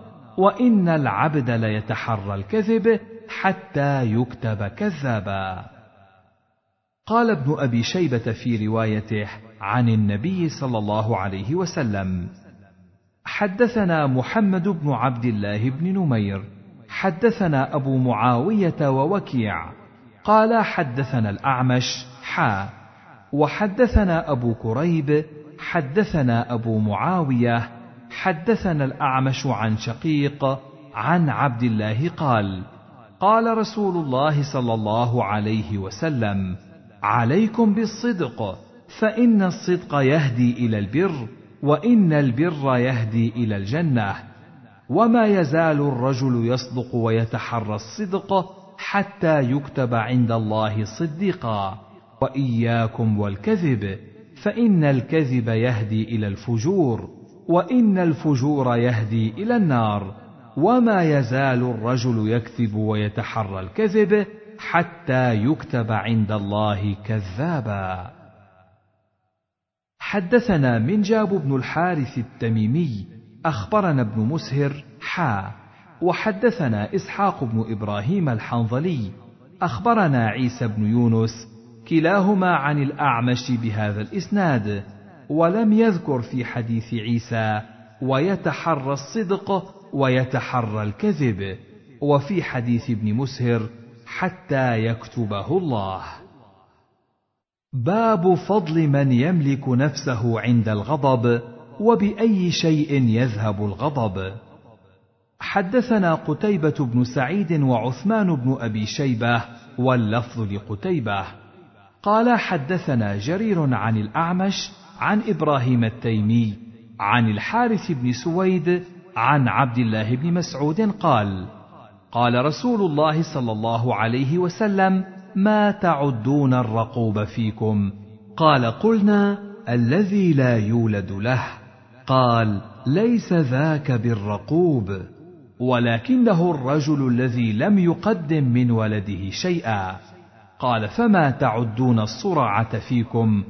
قال قلنا الذي لا يصرعه الرجال. قال ليس بذلك ولكنه الذي يملك نفسه عند الغضب. حدثنا أبو بكر بن أبي شيبة وأبو كريب. قال حدثنا أبو معاوية. حا. وحدثنا إسحاق بن إبراهيم أخبرنا عيسى بن يونس كلاهما عن الأعمش بهذا الإسناد مثل معناه. حدثنا يحيى بن يحيى وعبد الأعلى بن حماد قالا كلاهما قرأت على مالك عن ابن شهاب عن سعيد بن المسيب عن أبي هريرة أن رسول الله صلى الله عليه وسلم قال ليس الشديد بالصرعه إنما الشديد الذي يملك نفسه عند الغضب. حدثنا حاجب بن الوليد حدثنا محمد بن حرب عن الزبيدي عن الزهري. أخبرني حميد بن عبد الرحمن أن أبا هريرة قال سمعت رسول الله صلى الله عليه وسلم يقول ليس الشديد بالصرعه قالوا فالشديد أيما هو يا رسول الله؟ قال الذي يملك نفسه عند الغضب. وحدثناه محمد بن رافع وعبد بن حميد جميعا عن عبد الرزاق. أخبرنا معمر حا. وحدثنا عبد الله بن عبد الرحمن بن بهرام. أخبرنا أبو اليمان. أخبرنا شعيب. كلاهما عن الزهري عن حميد بن عبد الرحمن بن عوف عن أبي هريرة عن النبي صلى الله عليه وسلم بمثله. حدثنا يحيى بن يحيى ومحمد بن العلاء. قال يحيى أخبرنا وقال ابن العلاء حدثنا أبو معاوية عن الأعمش عن عدي بن ثابت عن سليمان بن صرد قال استب رجلان عند النبي صلى الله عليه وسلم فجعل أحدهما تحمر عيناه وتنتفخ أوداجه. قال رسول الله صلى الله عليه وسلم إني لأعرف كلمة لو قالها لذهب عنه الذي يجد. أعوذ بالله من الشيطان الرجيم. فقال الرجل وهل ترى بي من جنون؟ قال ابن العلاء فقال وهل ترى ولم يذكر الرجل؟ حدثنا نصر بن علي الجهضمي حدثنا أبو أسامة سمعت الأعمش يقول سمعت عدي بن ثابت يقول حدثنا سليمان بن صرد قال استب رجلان عند النبي صلى الله عليه وسلم فجعل أحدهما يغضب ويحمر وجهه. فنظر إليه النبي صلى الله عليه وسلم فقال إني لأعلم كلمة لو قالها لذهب ذا عنه. أعوذ بالله من الشيطان الرجيم. فقام إلى الرجل رجل ممن سمع النبي صلى الله عليه وسلم فقال أتدري ما قال رسول الله صلى الله عليه وسلم آنفا؟ قال إني لأعلم كلمة لو قالها لذهب ذا عنه. أعوذ بالله من الشيطان الرجيم. فقال له الرجل امجنونا تراني؟ وحدثنا أبو بكر بن أبي شيبة حدثنا حفص بن غياث عن الأعمش بهذا الإسناد. باب خلق الإنسان خلقا لا يتمالك. حدثنا أبو بكر بن أبي شيبة حدثنا يونس بن محمد عن حماد بن سلمة عن ثابت عن أنس أن رسول الله صلى الله عليه وسلم قال: لما صور الله آدم في الجنة تركه ما شاء الله أن يتركه فجعل إبليس يطيف به ينظر ما هو فلما رآه أجوف عرف أنه خلق خلقا لا يتمالك. حدثنا أبو بكر بن نافع حدثنا بهز حدثنا حماد بهذا الإسناد نحوه. باب النهي عن ضرب الوجه. حدثنا عبد الله بن مسلمة بن قعنب. حدثنا المغيرة يعني الحزامي عن أبي الزناد عن الأعرج عن أبي هريرة قال قال رسول الله صلى الله عليه وسلم إذا قاتل أحدكم أخاه فليجتنب الوجه. حدثناه عمرو الناقد وزهير بن حرب. قال حدثنا سفيان بن عيينة عن أبي الزناد بهذا الإسناد وقال إذا ضرب أحدكم. حدثنا شيبان بن فروخ. حدثنا أبو عوانة عن سهيل عن أبيه عن أبي هريرة عن النبي صلى الله عليه وسلم قال إذا قاتل أحدكم أخاه فليتق الوجه. حدثنا عبيد الله بن معاذ العنبري حدثنا أبي حدثنا شعبة عن قتادة.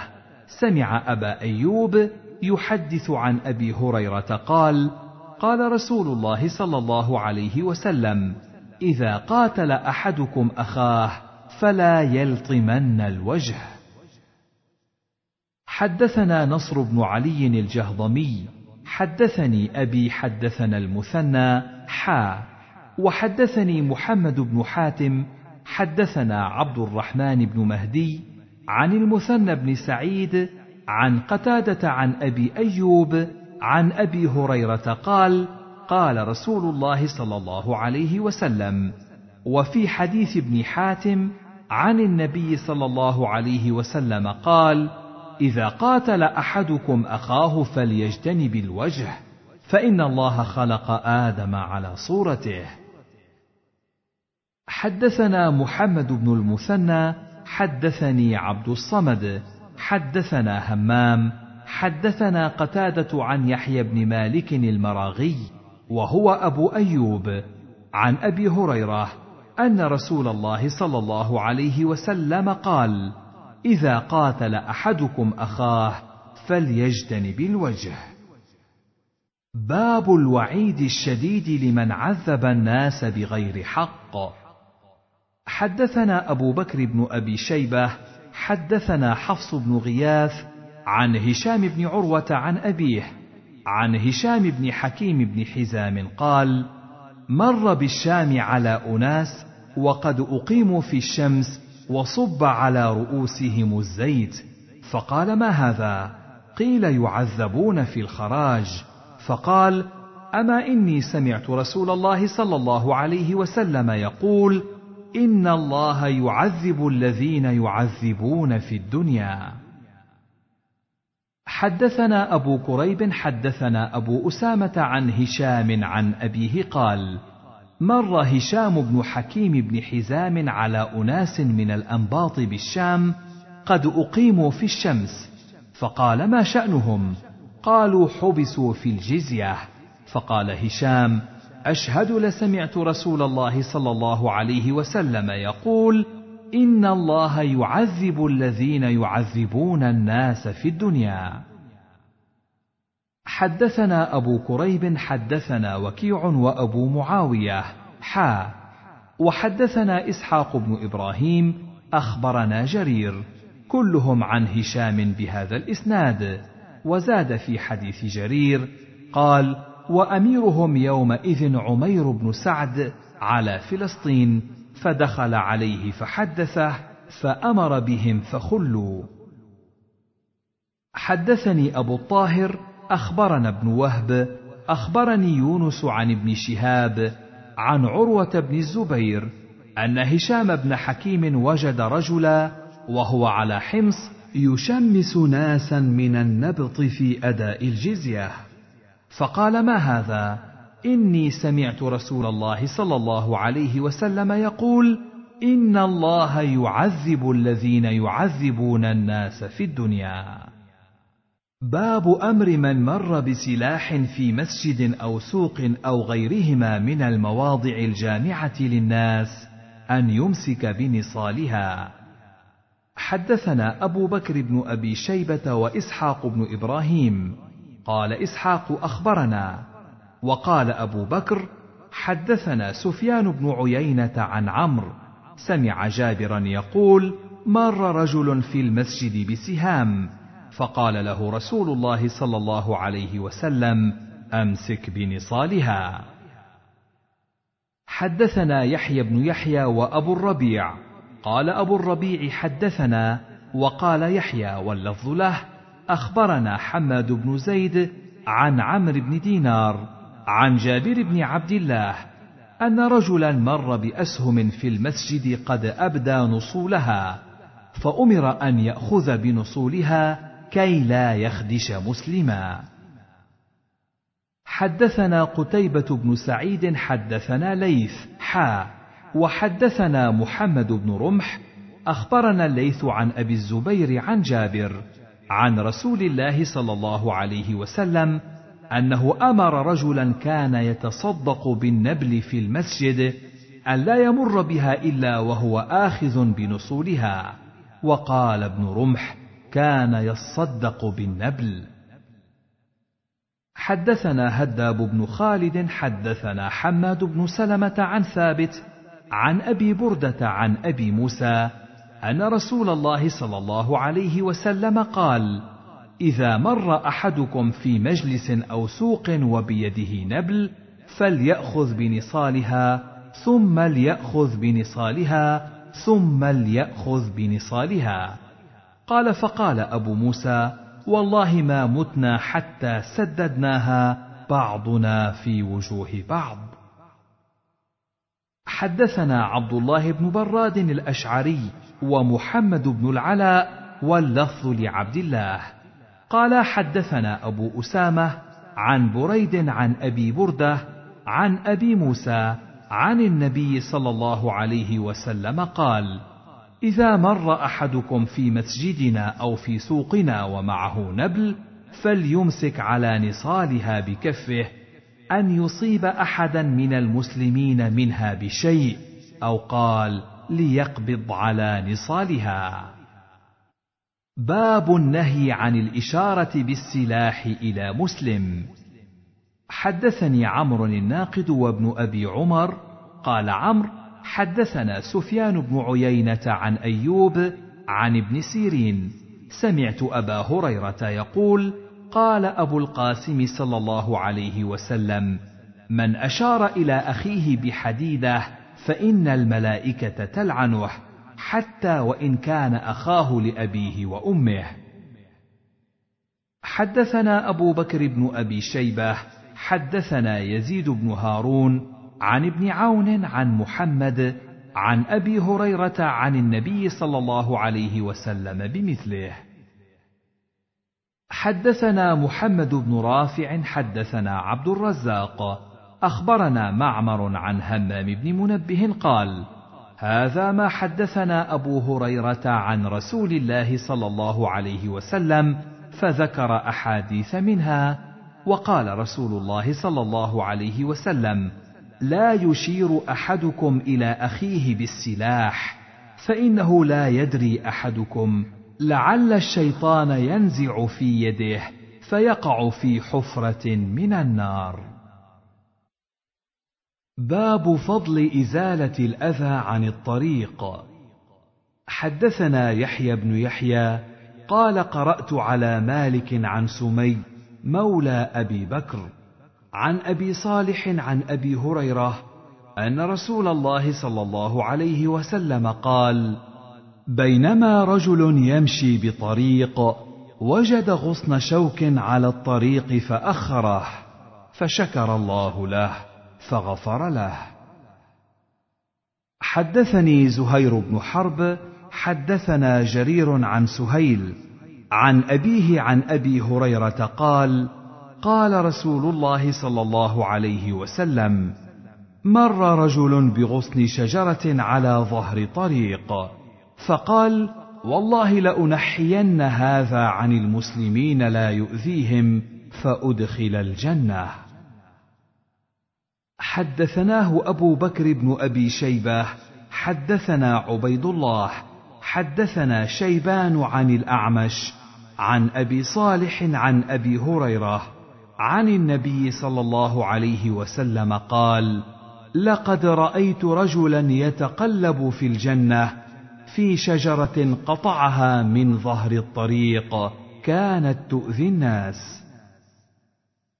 حدثني محمد بن حاتم حدثنا بهز حدثنا حماد بن سلمة عن ثابت عن أبي رافع عن أبي هريرة أن رسول الله صلى الله عليه وسلم قال إن شجرة كانت تؤذي المسلمين فجاء رجل فقطعها فدخل الجنة. حدثني زهير بن حرب حدثنا يحيى بن سعيد عن أبان بن صمعة حدثني أبو الوازع حدثني أبو برزة قال قلت يا نبي الله علمني شيئا أنتفع به. قال اعزل الأذى عن طريق المسلمين. حدثنا يحيى بن يحيى أخبرنا أبو بكر بن شعيب بن الحبحاب عن أبي الوازع الراسبي عن أبي برزة الأسلمي أن أبا برزة قال قلت لرسول الله صلى الله عليه وسلم يا رسول الله إني لا أدري لعسى أن تمضي وأبقى بعدك فزودني شيئا ينفعني الله به. فقال رسول الله صلى الله عليه وسلم افعل كذا افعل كذا أبو بكر نسيه. وأمر الأذى عن الطريق. باب تحريم تعذيب الهرة ونحوها من الحيوان الذي لا يؤذي. حدثني عبد الله بن محمد بن أسماء بن عبيد الضبعي. حدثنا جويرية يعني ابن أسماء عن نافع عن عبد الله أن رسول الله صلى الله عليه وسلم قال عذبت امرأة في هرة سجنتها حتى ماتت فدخلت فيها النار لا هي أطعمتها وسقتها إذ هي حبستها. ولا هي تركتها تأكل من خشاش الأرض. حدثني هارون بن عبد الله وعبد الله بن جعفر بن يحيى بن خالد جميعا عن معن بن عيسى عن مالك بن أنس عن نافع عن ابن عمر عن النبي صلى الله عليه وسلم بمعنى حديث جويريه وحدثنيه نصر بن علي الجهضمي حدثنا عبد الأعلى عن عبيد الله بن عمر عن نافع عن ابن عمر قال قال رسول الله صلى الله عليه وسلم عذبت امرأة في هرة أوثقتها فلم تطعمها ولم تسقها ولم تدعها تأكل من خشاش الأرض. حدثنا نصر بن علي الجهضمي حدثنا عبد الأعلى عن عبيد الله عن سعيد المقبوري عن أبي هريرة عن النبي صلى الله عليه وسلم بمثله. حدثنا محمد بن رافع حدثنا عبد الرزاق حدثنا معمر عن همام بن منبه. قال هذا ما حدثنا أبو هريرة عن رسول الله صلى الله عليه وسلم فذكر أحاديث منها وقال رسول الله صلى الله عليه وسلم دخلت امرأة النار من جراء هرة لها أو هر ربطتها فلا هي أطعمتها ولا هي أرسلتها ترمرم من خشاش الأرض حتى ماتت هزلا. باب تحريم الكبر حدثنا أحمد بن يوسف الأزدي حدثنا عمر بن حفص بن غياث حدثنا أبي حدثنا الأعمش حدثنا أبو إسحاق عن أبي مسلم الأغر أنه حدثه عن أبي سعيد الخدري وأبي هريرة قالا قال رسول الله صلى الله عليه وسلم العز إزاره والكبرياء رداؤه. فمن ينازعني عذبته؟ باب النهي عن تقنيط الإنسان من رحمة الله تعالى. حدثنا سويد بن سعيد عن معتمر بن سليمان عن أبيه. حدثنا أبو عمران الجوني عن جندب أن رسول الله صلى الله عليه وسلم حدث أن رجلا قال والله لا يغفر الله لفلان. وإن الله تعالى قال من ذا الذي يتألى علي ألا أغفر لفلان فإني قد غفرت لفلان وأحبطت عملك.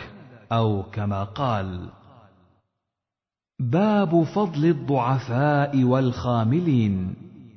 حدثني سويد بن سعيد حدثني حفص بن ميسرة عن العلاء بن عبد الرحمن عن أبيه عن أبي هريرة أن رسول الله صلى الله عليه وسلم قال رب أشعث مدفوع بالأبواب لو أقسم على الله لأبره.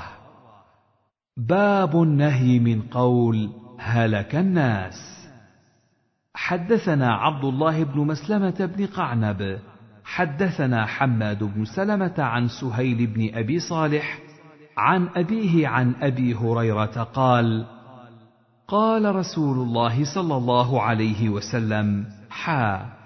وحدثنا يحيى بن يحيى قال قرأت على مالك عن سهيل بن أبي صالح عن أبيه عن أبي هريرة أن رسول الله صلى الله عليه وسلم قال إذا قال الرجل هلك الناس فهو أهلكهم.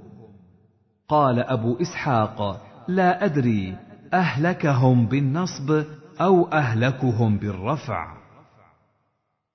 حدثنا يحيى بن يحيى أخبرنا يزيد بن زريع عن روح بن القاسم حا وحدثني أحمد بن عثمان بن حكيم. حدثنا خالد بن مخلد عن سليمان بن بلال جميعا عن سهيل بهذا الإسناد مثله. باب الوصية بالجار والإحسان إليه. حدثنا قتيبة بن سعيد عن مالك بن أنس حا. وحدثنا قتيبة ومحمد بن رمح عن الليث بن سعد حا. وحدثنا أبو بكر بن أبي شيبة حدثنا عبدة ويزيد بن هارون كلهم عن يحيى بن سعيد حا. وحدثنا محمد بن المثنى واللفظ له. حدثنا عبد الوهاب يعني الثقفي. سمعت يحيى بن سعيد أخبرني أبو بكر وهو ابن محمد بن عمرو بن حزم أن عمرة حدثته أنها سمعت عائشة تقول سمعت رسول الله صلى الله عليه وسلم يقول ما زال جبريل يوصيني بالجار حتى ظننت أنه ليورثنه. حدثني عمرو الناقد حدثنا عبد العزيز بن أبي حازم حدثني هشام بن عروة عن أبيه عن عائشة عن النبي صلى الله عليه وسلم بمثله. حدثني عبيد الله بن عمر القواريري حدثنا يزيد بن زريع عن عمر بن محمد عن أبيه. قال سمعت ابن عمر يقول قال رسول الله صلى الله عليه وسلم ما زال جبريل يوصيني بالجار حتى ظننت أنه سيورثه. حدثنا أبو كامل الجحدري وإسحاق بن إبراهيم واللفظ لإسحاق. قال أبو كامل حدثنا وقال إسحاق أخبرنا عبد العزيز بن عبد الصمد العمي حدثنا أبو عمران الجوني عن عبد الله بن الصامت عن أبي ذر قال قال رسول الله صلى الله عليه وسلم يا أبا ذر إذا طبخت مرقة فأكثر ماءها وتعاهد جيرانك. حدثنا أبو بكر بن أبي شيبة حدثنا ابن إدريس أخبرنا شعبة حا وحدثنا أبو كريب. حدثنا ابن إدريس.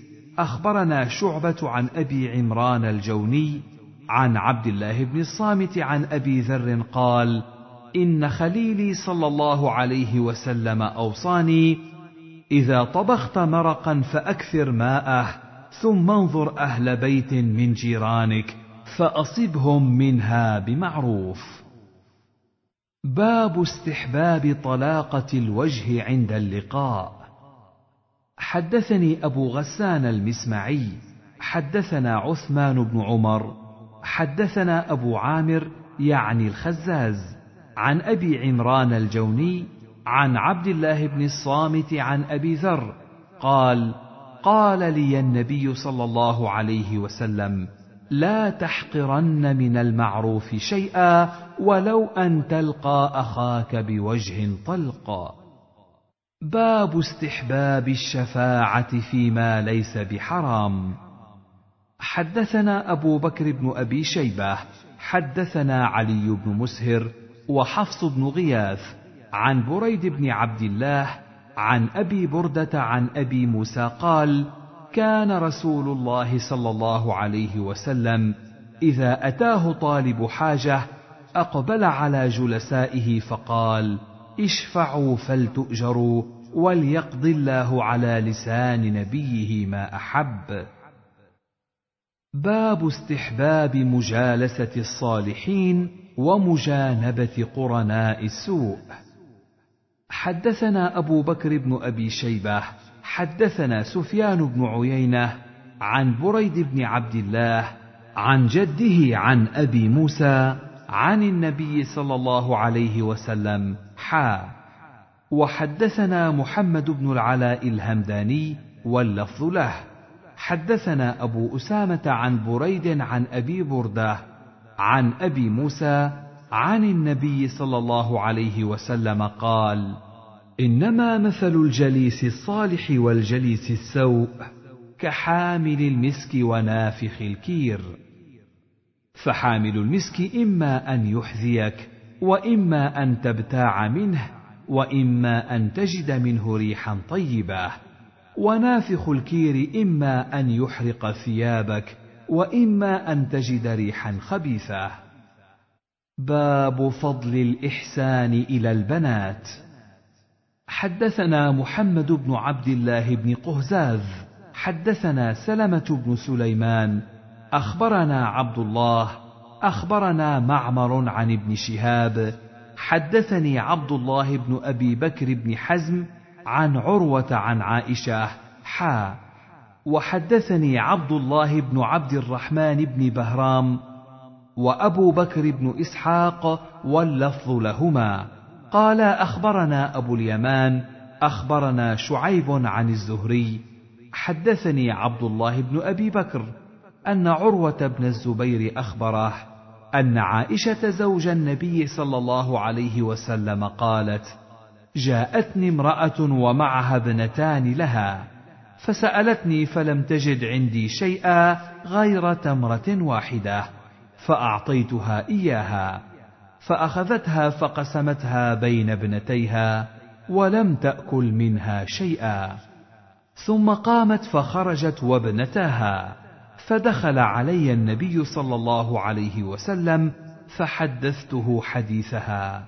فقال النبي صلى الله عليه وسلم من ابتلي من البنات بشيء فأحسن إليهن كن له سترا من النار.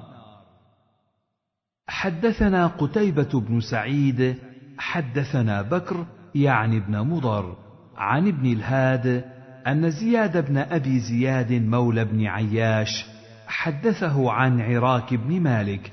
سمعته يحدث عمر بن عبد العزيز عن عائشة أنها قالت: جاءتني مسكينة تحمل ابنتين لها فأطعمتها ثلاث تمرات فأعطت كل واحدة منهما تمرة ورفعت إلى فيها تمرة لتأكلها فاستطعمتها ابنتاها فشقت التمرة التي كانت تريد أن تأكلها بينهما فأعجبني شأنها فذكرت الذي صنعت لرسول الله صلى الله عليه وسلم فقال إن الله قد أوجب لها بها الجنة. أو أعتقها بها من النار. حدثني عمرو الناقد حدثنا أبو أحمد الزبيري حدثنا محمد بن عبد العزيز. عن عبيد الله بن أبي بكر بن أنس عن أنس بن مالك قال قال رسول الله صلى الله عليه وسلم من عال جاريتين حتى تبلغا جاء يوم القيامة أنا وهو وضم أصابعه. باب فضل من يموت له ولد فيحتسبه.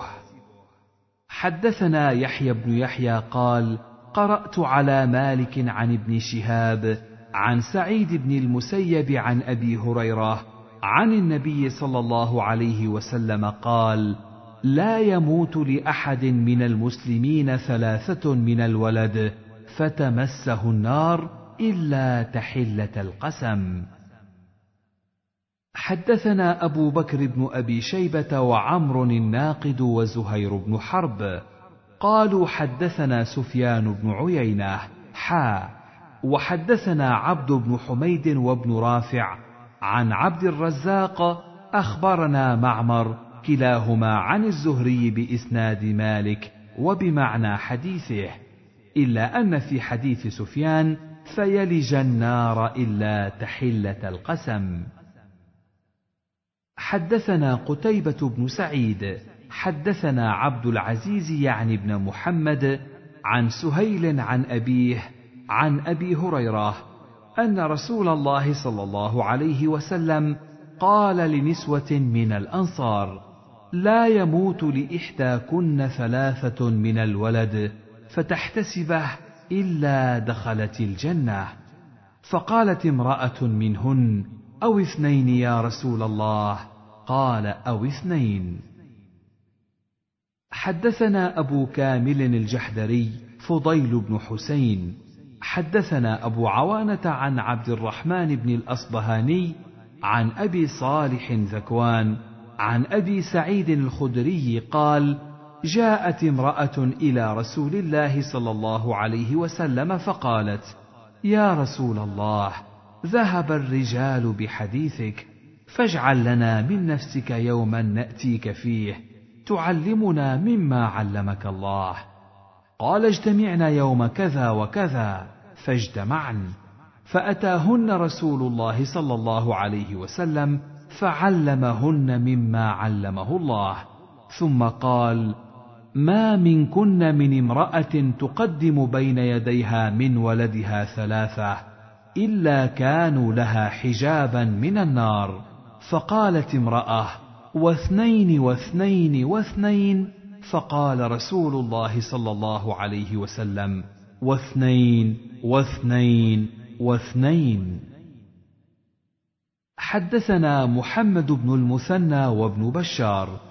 قال حدثنا محمد بن جعفر حا وحدثنا عبيد الله بن معاذ حدثنا أبي حدثنا شعبة عن عبد الرحمن بن الأصبهاني في هذا الإسناد بمثل معناه وزادا جميعا عن شعبة عن عبد الرحمن بن الأصبهاني قال سمعت أبا حازم يحدث عن أبي هريرة قال ثلاثة لم يبلغوا الحنث. حدثنا سويد بن سعيد ومحمد بن عبد الأعلى وتقاربا في اللفظ. قال حدثنا المعتمر عن أبيه عن أبي السليل عن أبي حسان.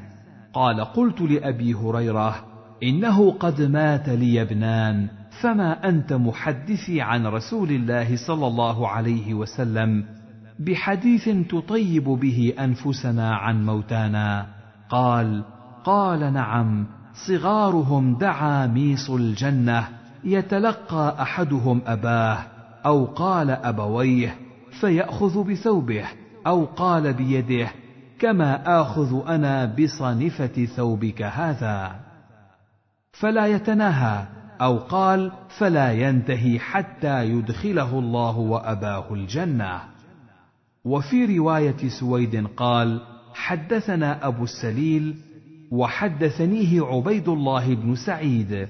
حدثنا يحيى يعني ابن سعيد عن التيمي بهذا الإسناد وقال فهل سمعت من رسول الله صلى الله عليه وسلم شيئا تطيب به أنفسنا عن موتانا؟ قال نعم. حدثنا أبو بكر بن أبي شيبة ومحمد بن عبد الله بن نمير وأبو سعيد الأشج واللفظ لأبي بكر. قالوا حدثنا حفص يعنون بن غياث حا. وحدثنا عمر بن حفص بن غياث حدثنا أبي عن جده طلق بن معاوية عن أبي زرعة بن عمرو بن جرير عن أبي هريرة قال أتت امرأة النبي صلى الله عليه وسلم بصبي لها فقالت يا نبي الله ادع الله له. فلقد دفنت ثلاثة. قال دفنت ثلاثة؟ قالت نعم. قال لقد احتضرت بحذار شديد من النار. قال عمر من بينهم عن جده وقال الباقون عن طلق ولم يذكروا الجد. حدثنا قتيبة بن سعيد وزهير بن حرب.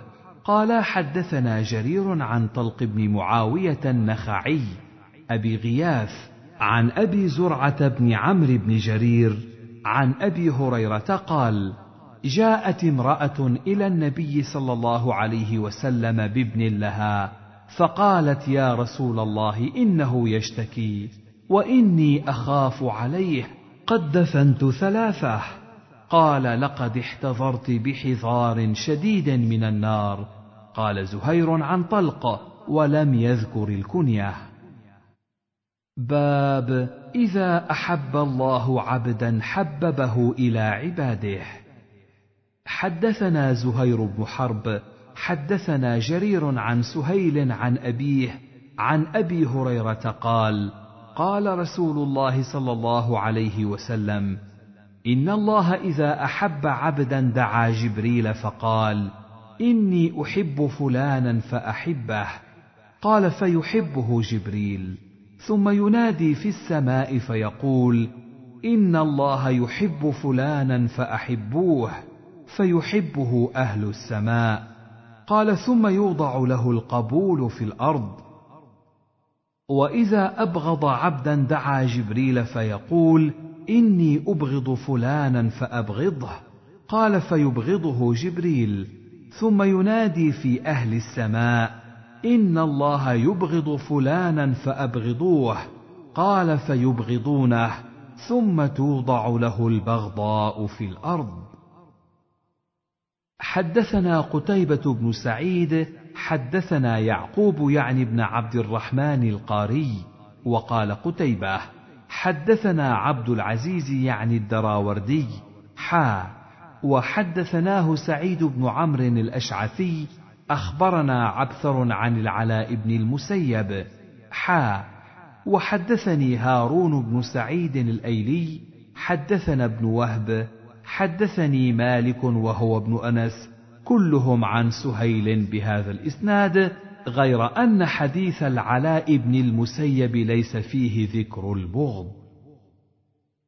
حدثني عمرو الناقد حدثنا يزيد بن هارون أخبرنا عبد العزيز بن عبد الله بن أبي سلمة الماجشون عن سهيل بن أبي صالح قال كنا بعرفة فمر عمر بن عبد العزيز وهو على الموسم فقام الناس ينظرون إليه فقلت لأبي يا أبت إني أرى الله يحب عمر بن عبد العزيز. قال وما ذاك؟ قلت لما له من الحب في قلوب الناس؟ فقال بأبيك أنت. سمعت أبا هريرة يحدث عن رسول الله صلى الله عليه وسلم ثم ذكر بمثل حديث جرير عن سهيل. باب الأرواح جنود مجندة. حدثنا قتيبة بن سعيد حدثنا عبد العزيز يعني بن محمد عن سهيل عن أبيه عن أبي هريرة أن رسول الله صلى الله عليه وسلم قال الأرواح جنود مجندة فما تعارف منها ائتلف وما تناكر منها اختلف. حدثني زهير بن حرب حدثنا كثير بن هشام حدثنا جعفر بن برقان حدثنا يزيد بن الأصم عن أبي هريرة بحديث يرفعه قال الناس معادن كمعادن الفضة والذهب. خيارهم في الجاهلية خيارهم في الإسلام إذا فقهوا. والأرواح جنود مجندة فما تعارف منها ائتلف وما تناكر منها اختلف. باب المرء مع من أحب. حدثنا عبد الله بن مسلمة بن قعنب حدثنا مالك عن إسحاق بن عبد الله بن أبي طلحة عن أنس بن مالك أن اعرابيا قال لرسول الله صلى الله عليه وسلم متى الساعة؟ قال له رسول الله صلى الله عليه وسلم ما أعددت لها؟ قال حب الله ورسوله. قال أنت مع من أحببت. حدثنا أبو بكر بن أبي شيبة وعمر الناقد وزهير بن حرب ومحمد بن عبد الله بن نمير وابن أبي عمر واللفظ لزهير. قالوا حدثنا سفيان عن الزهري عن أنس قال قال رجل يا رسول الله متى الساعة؟ قال وما أعددت لها فلم يذكر كبيرا. قال ولكني أحب الله ورسوله. قال فأنت مع من أحببت. حدثنيه محمد بن رافع وعبد بن حميد. قال عبد أخبرنا. وقال ابن رافع حدثنا عبد الرزاق. أخبرنا معمر عن الزهري. حدثني أنس بن مالك أن رجلا من الأعراب أتى رسول الله صلى الله عليه وسلم بمثله غير أنه قال ما أعددت لها من كثير أحمد عليه نفسي. حدثني أبو الربيع العتكي. حدثنا حماد يعني بن زيد.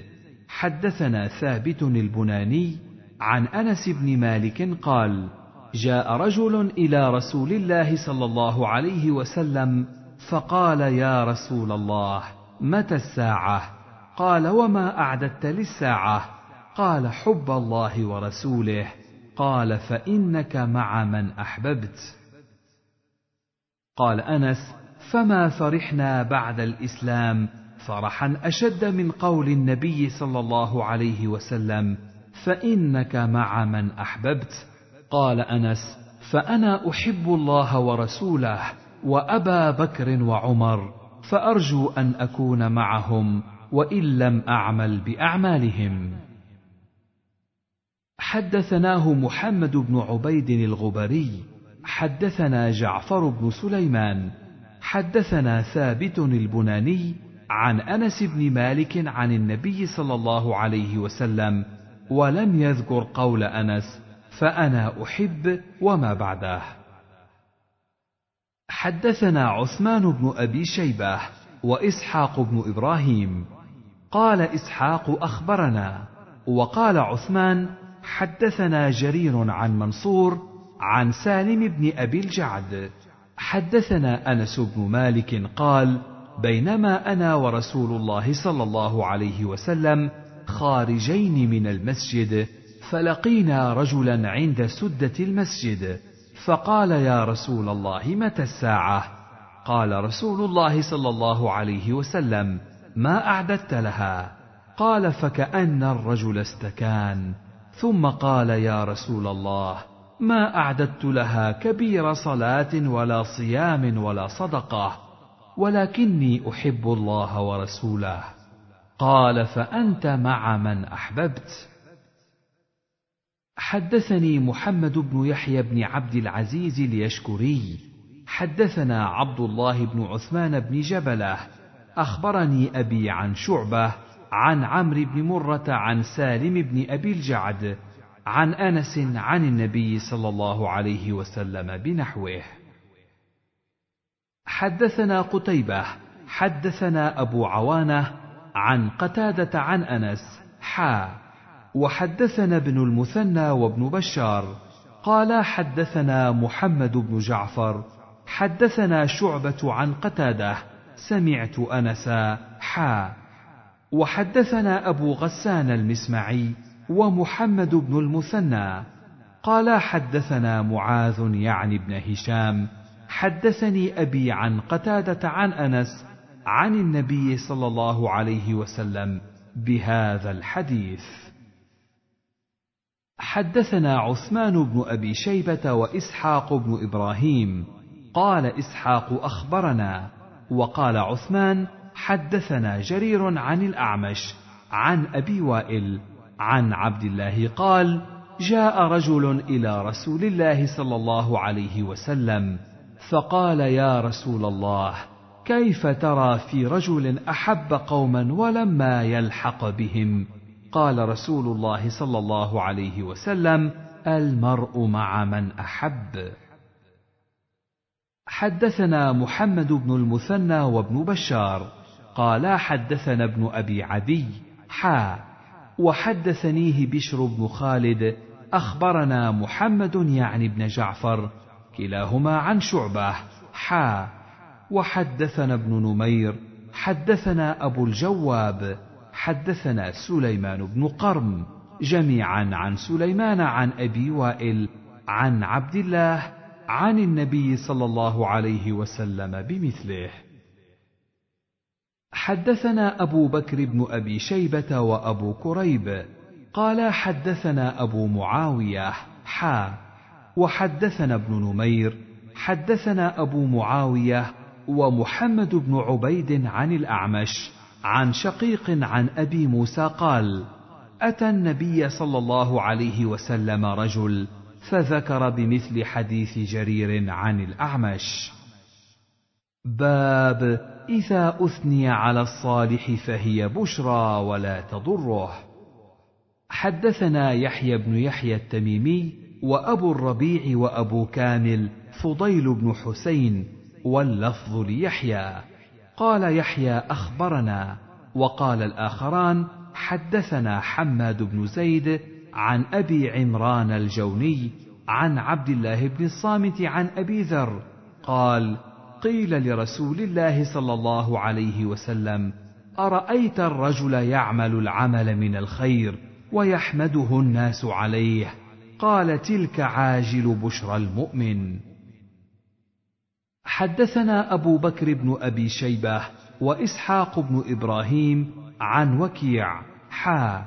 وحدثنا محمد بن بشار حدثنا محمد بن جعفر حا. وحدثنا محمد بن المثنى حدثني عبد الصمد حا وحدثنا إسحاق أخبرنا النضر كلهم عن شعبة عن أبي عمران الجوني بإسناد حماد بن زيد بمثل حديثه غير أن في حديثهم عن شعبة غير عبد الصمد ويحبه الناس عليه وفي حديث عبد الصمد ويحمده الناس كما قال حماد.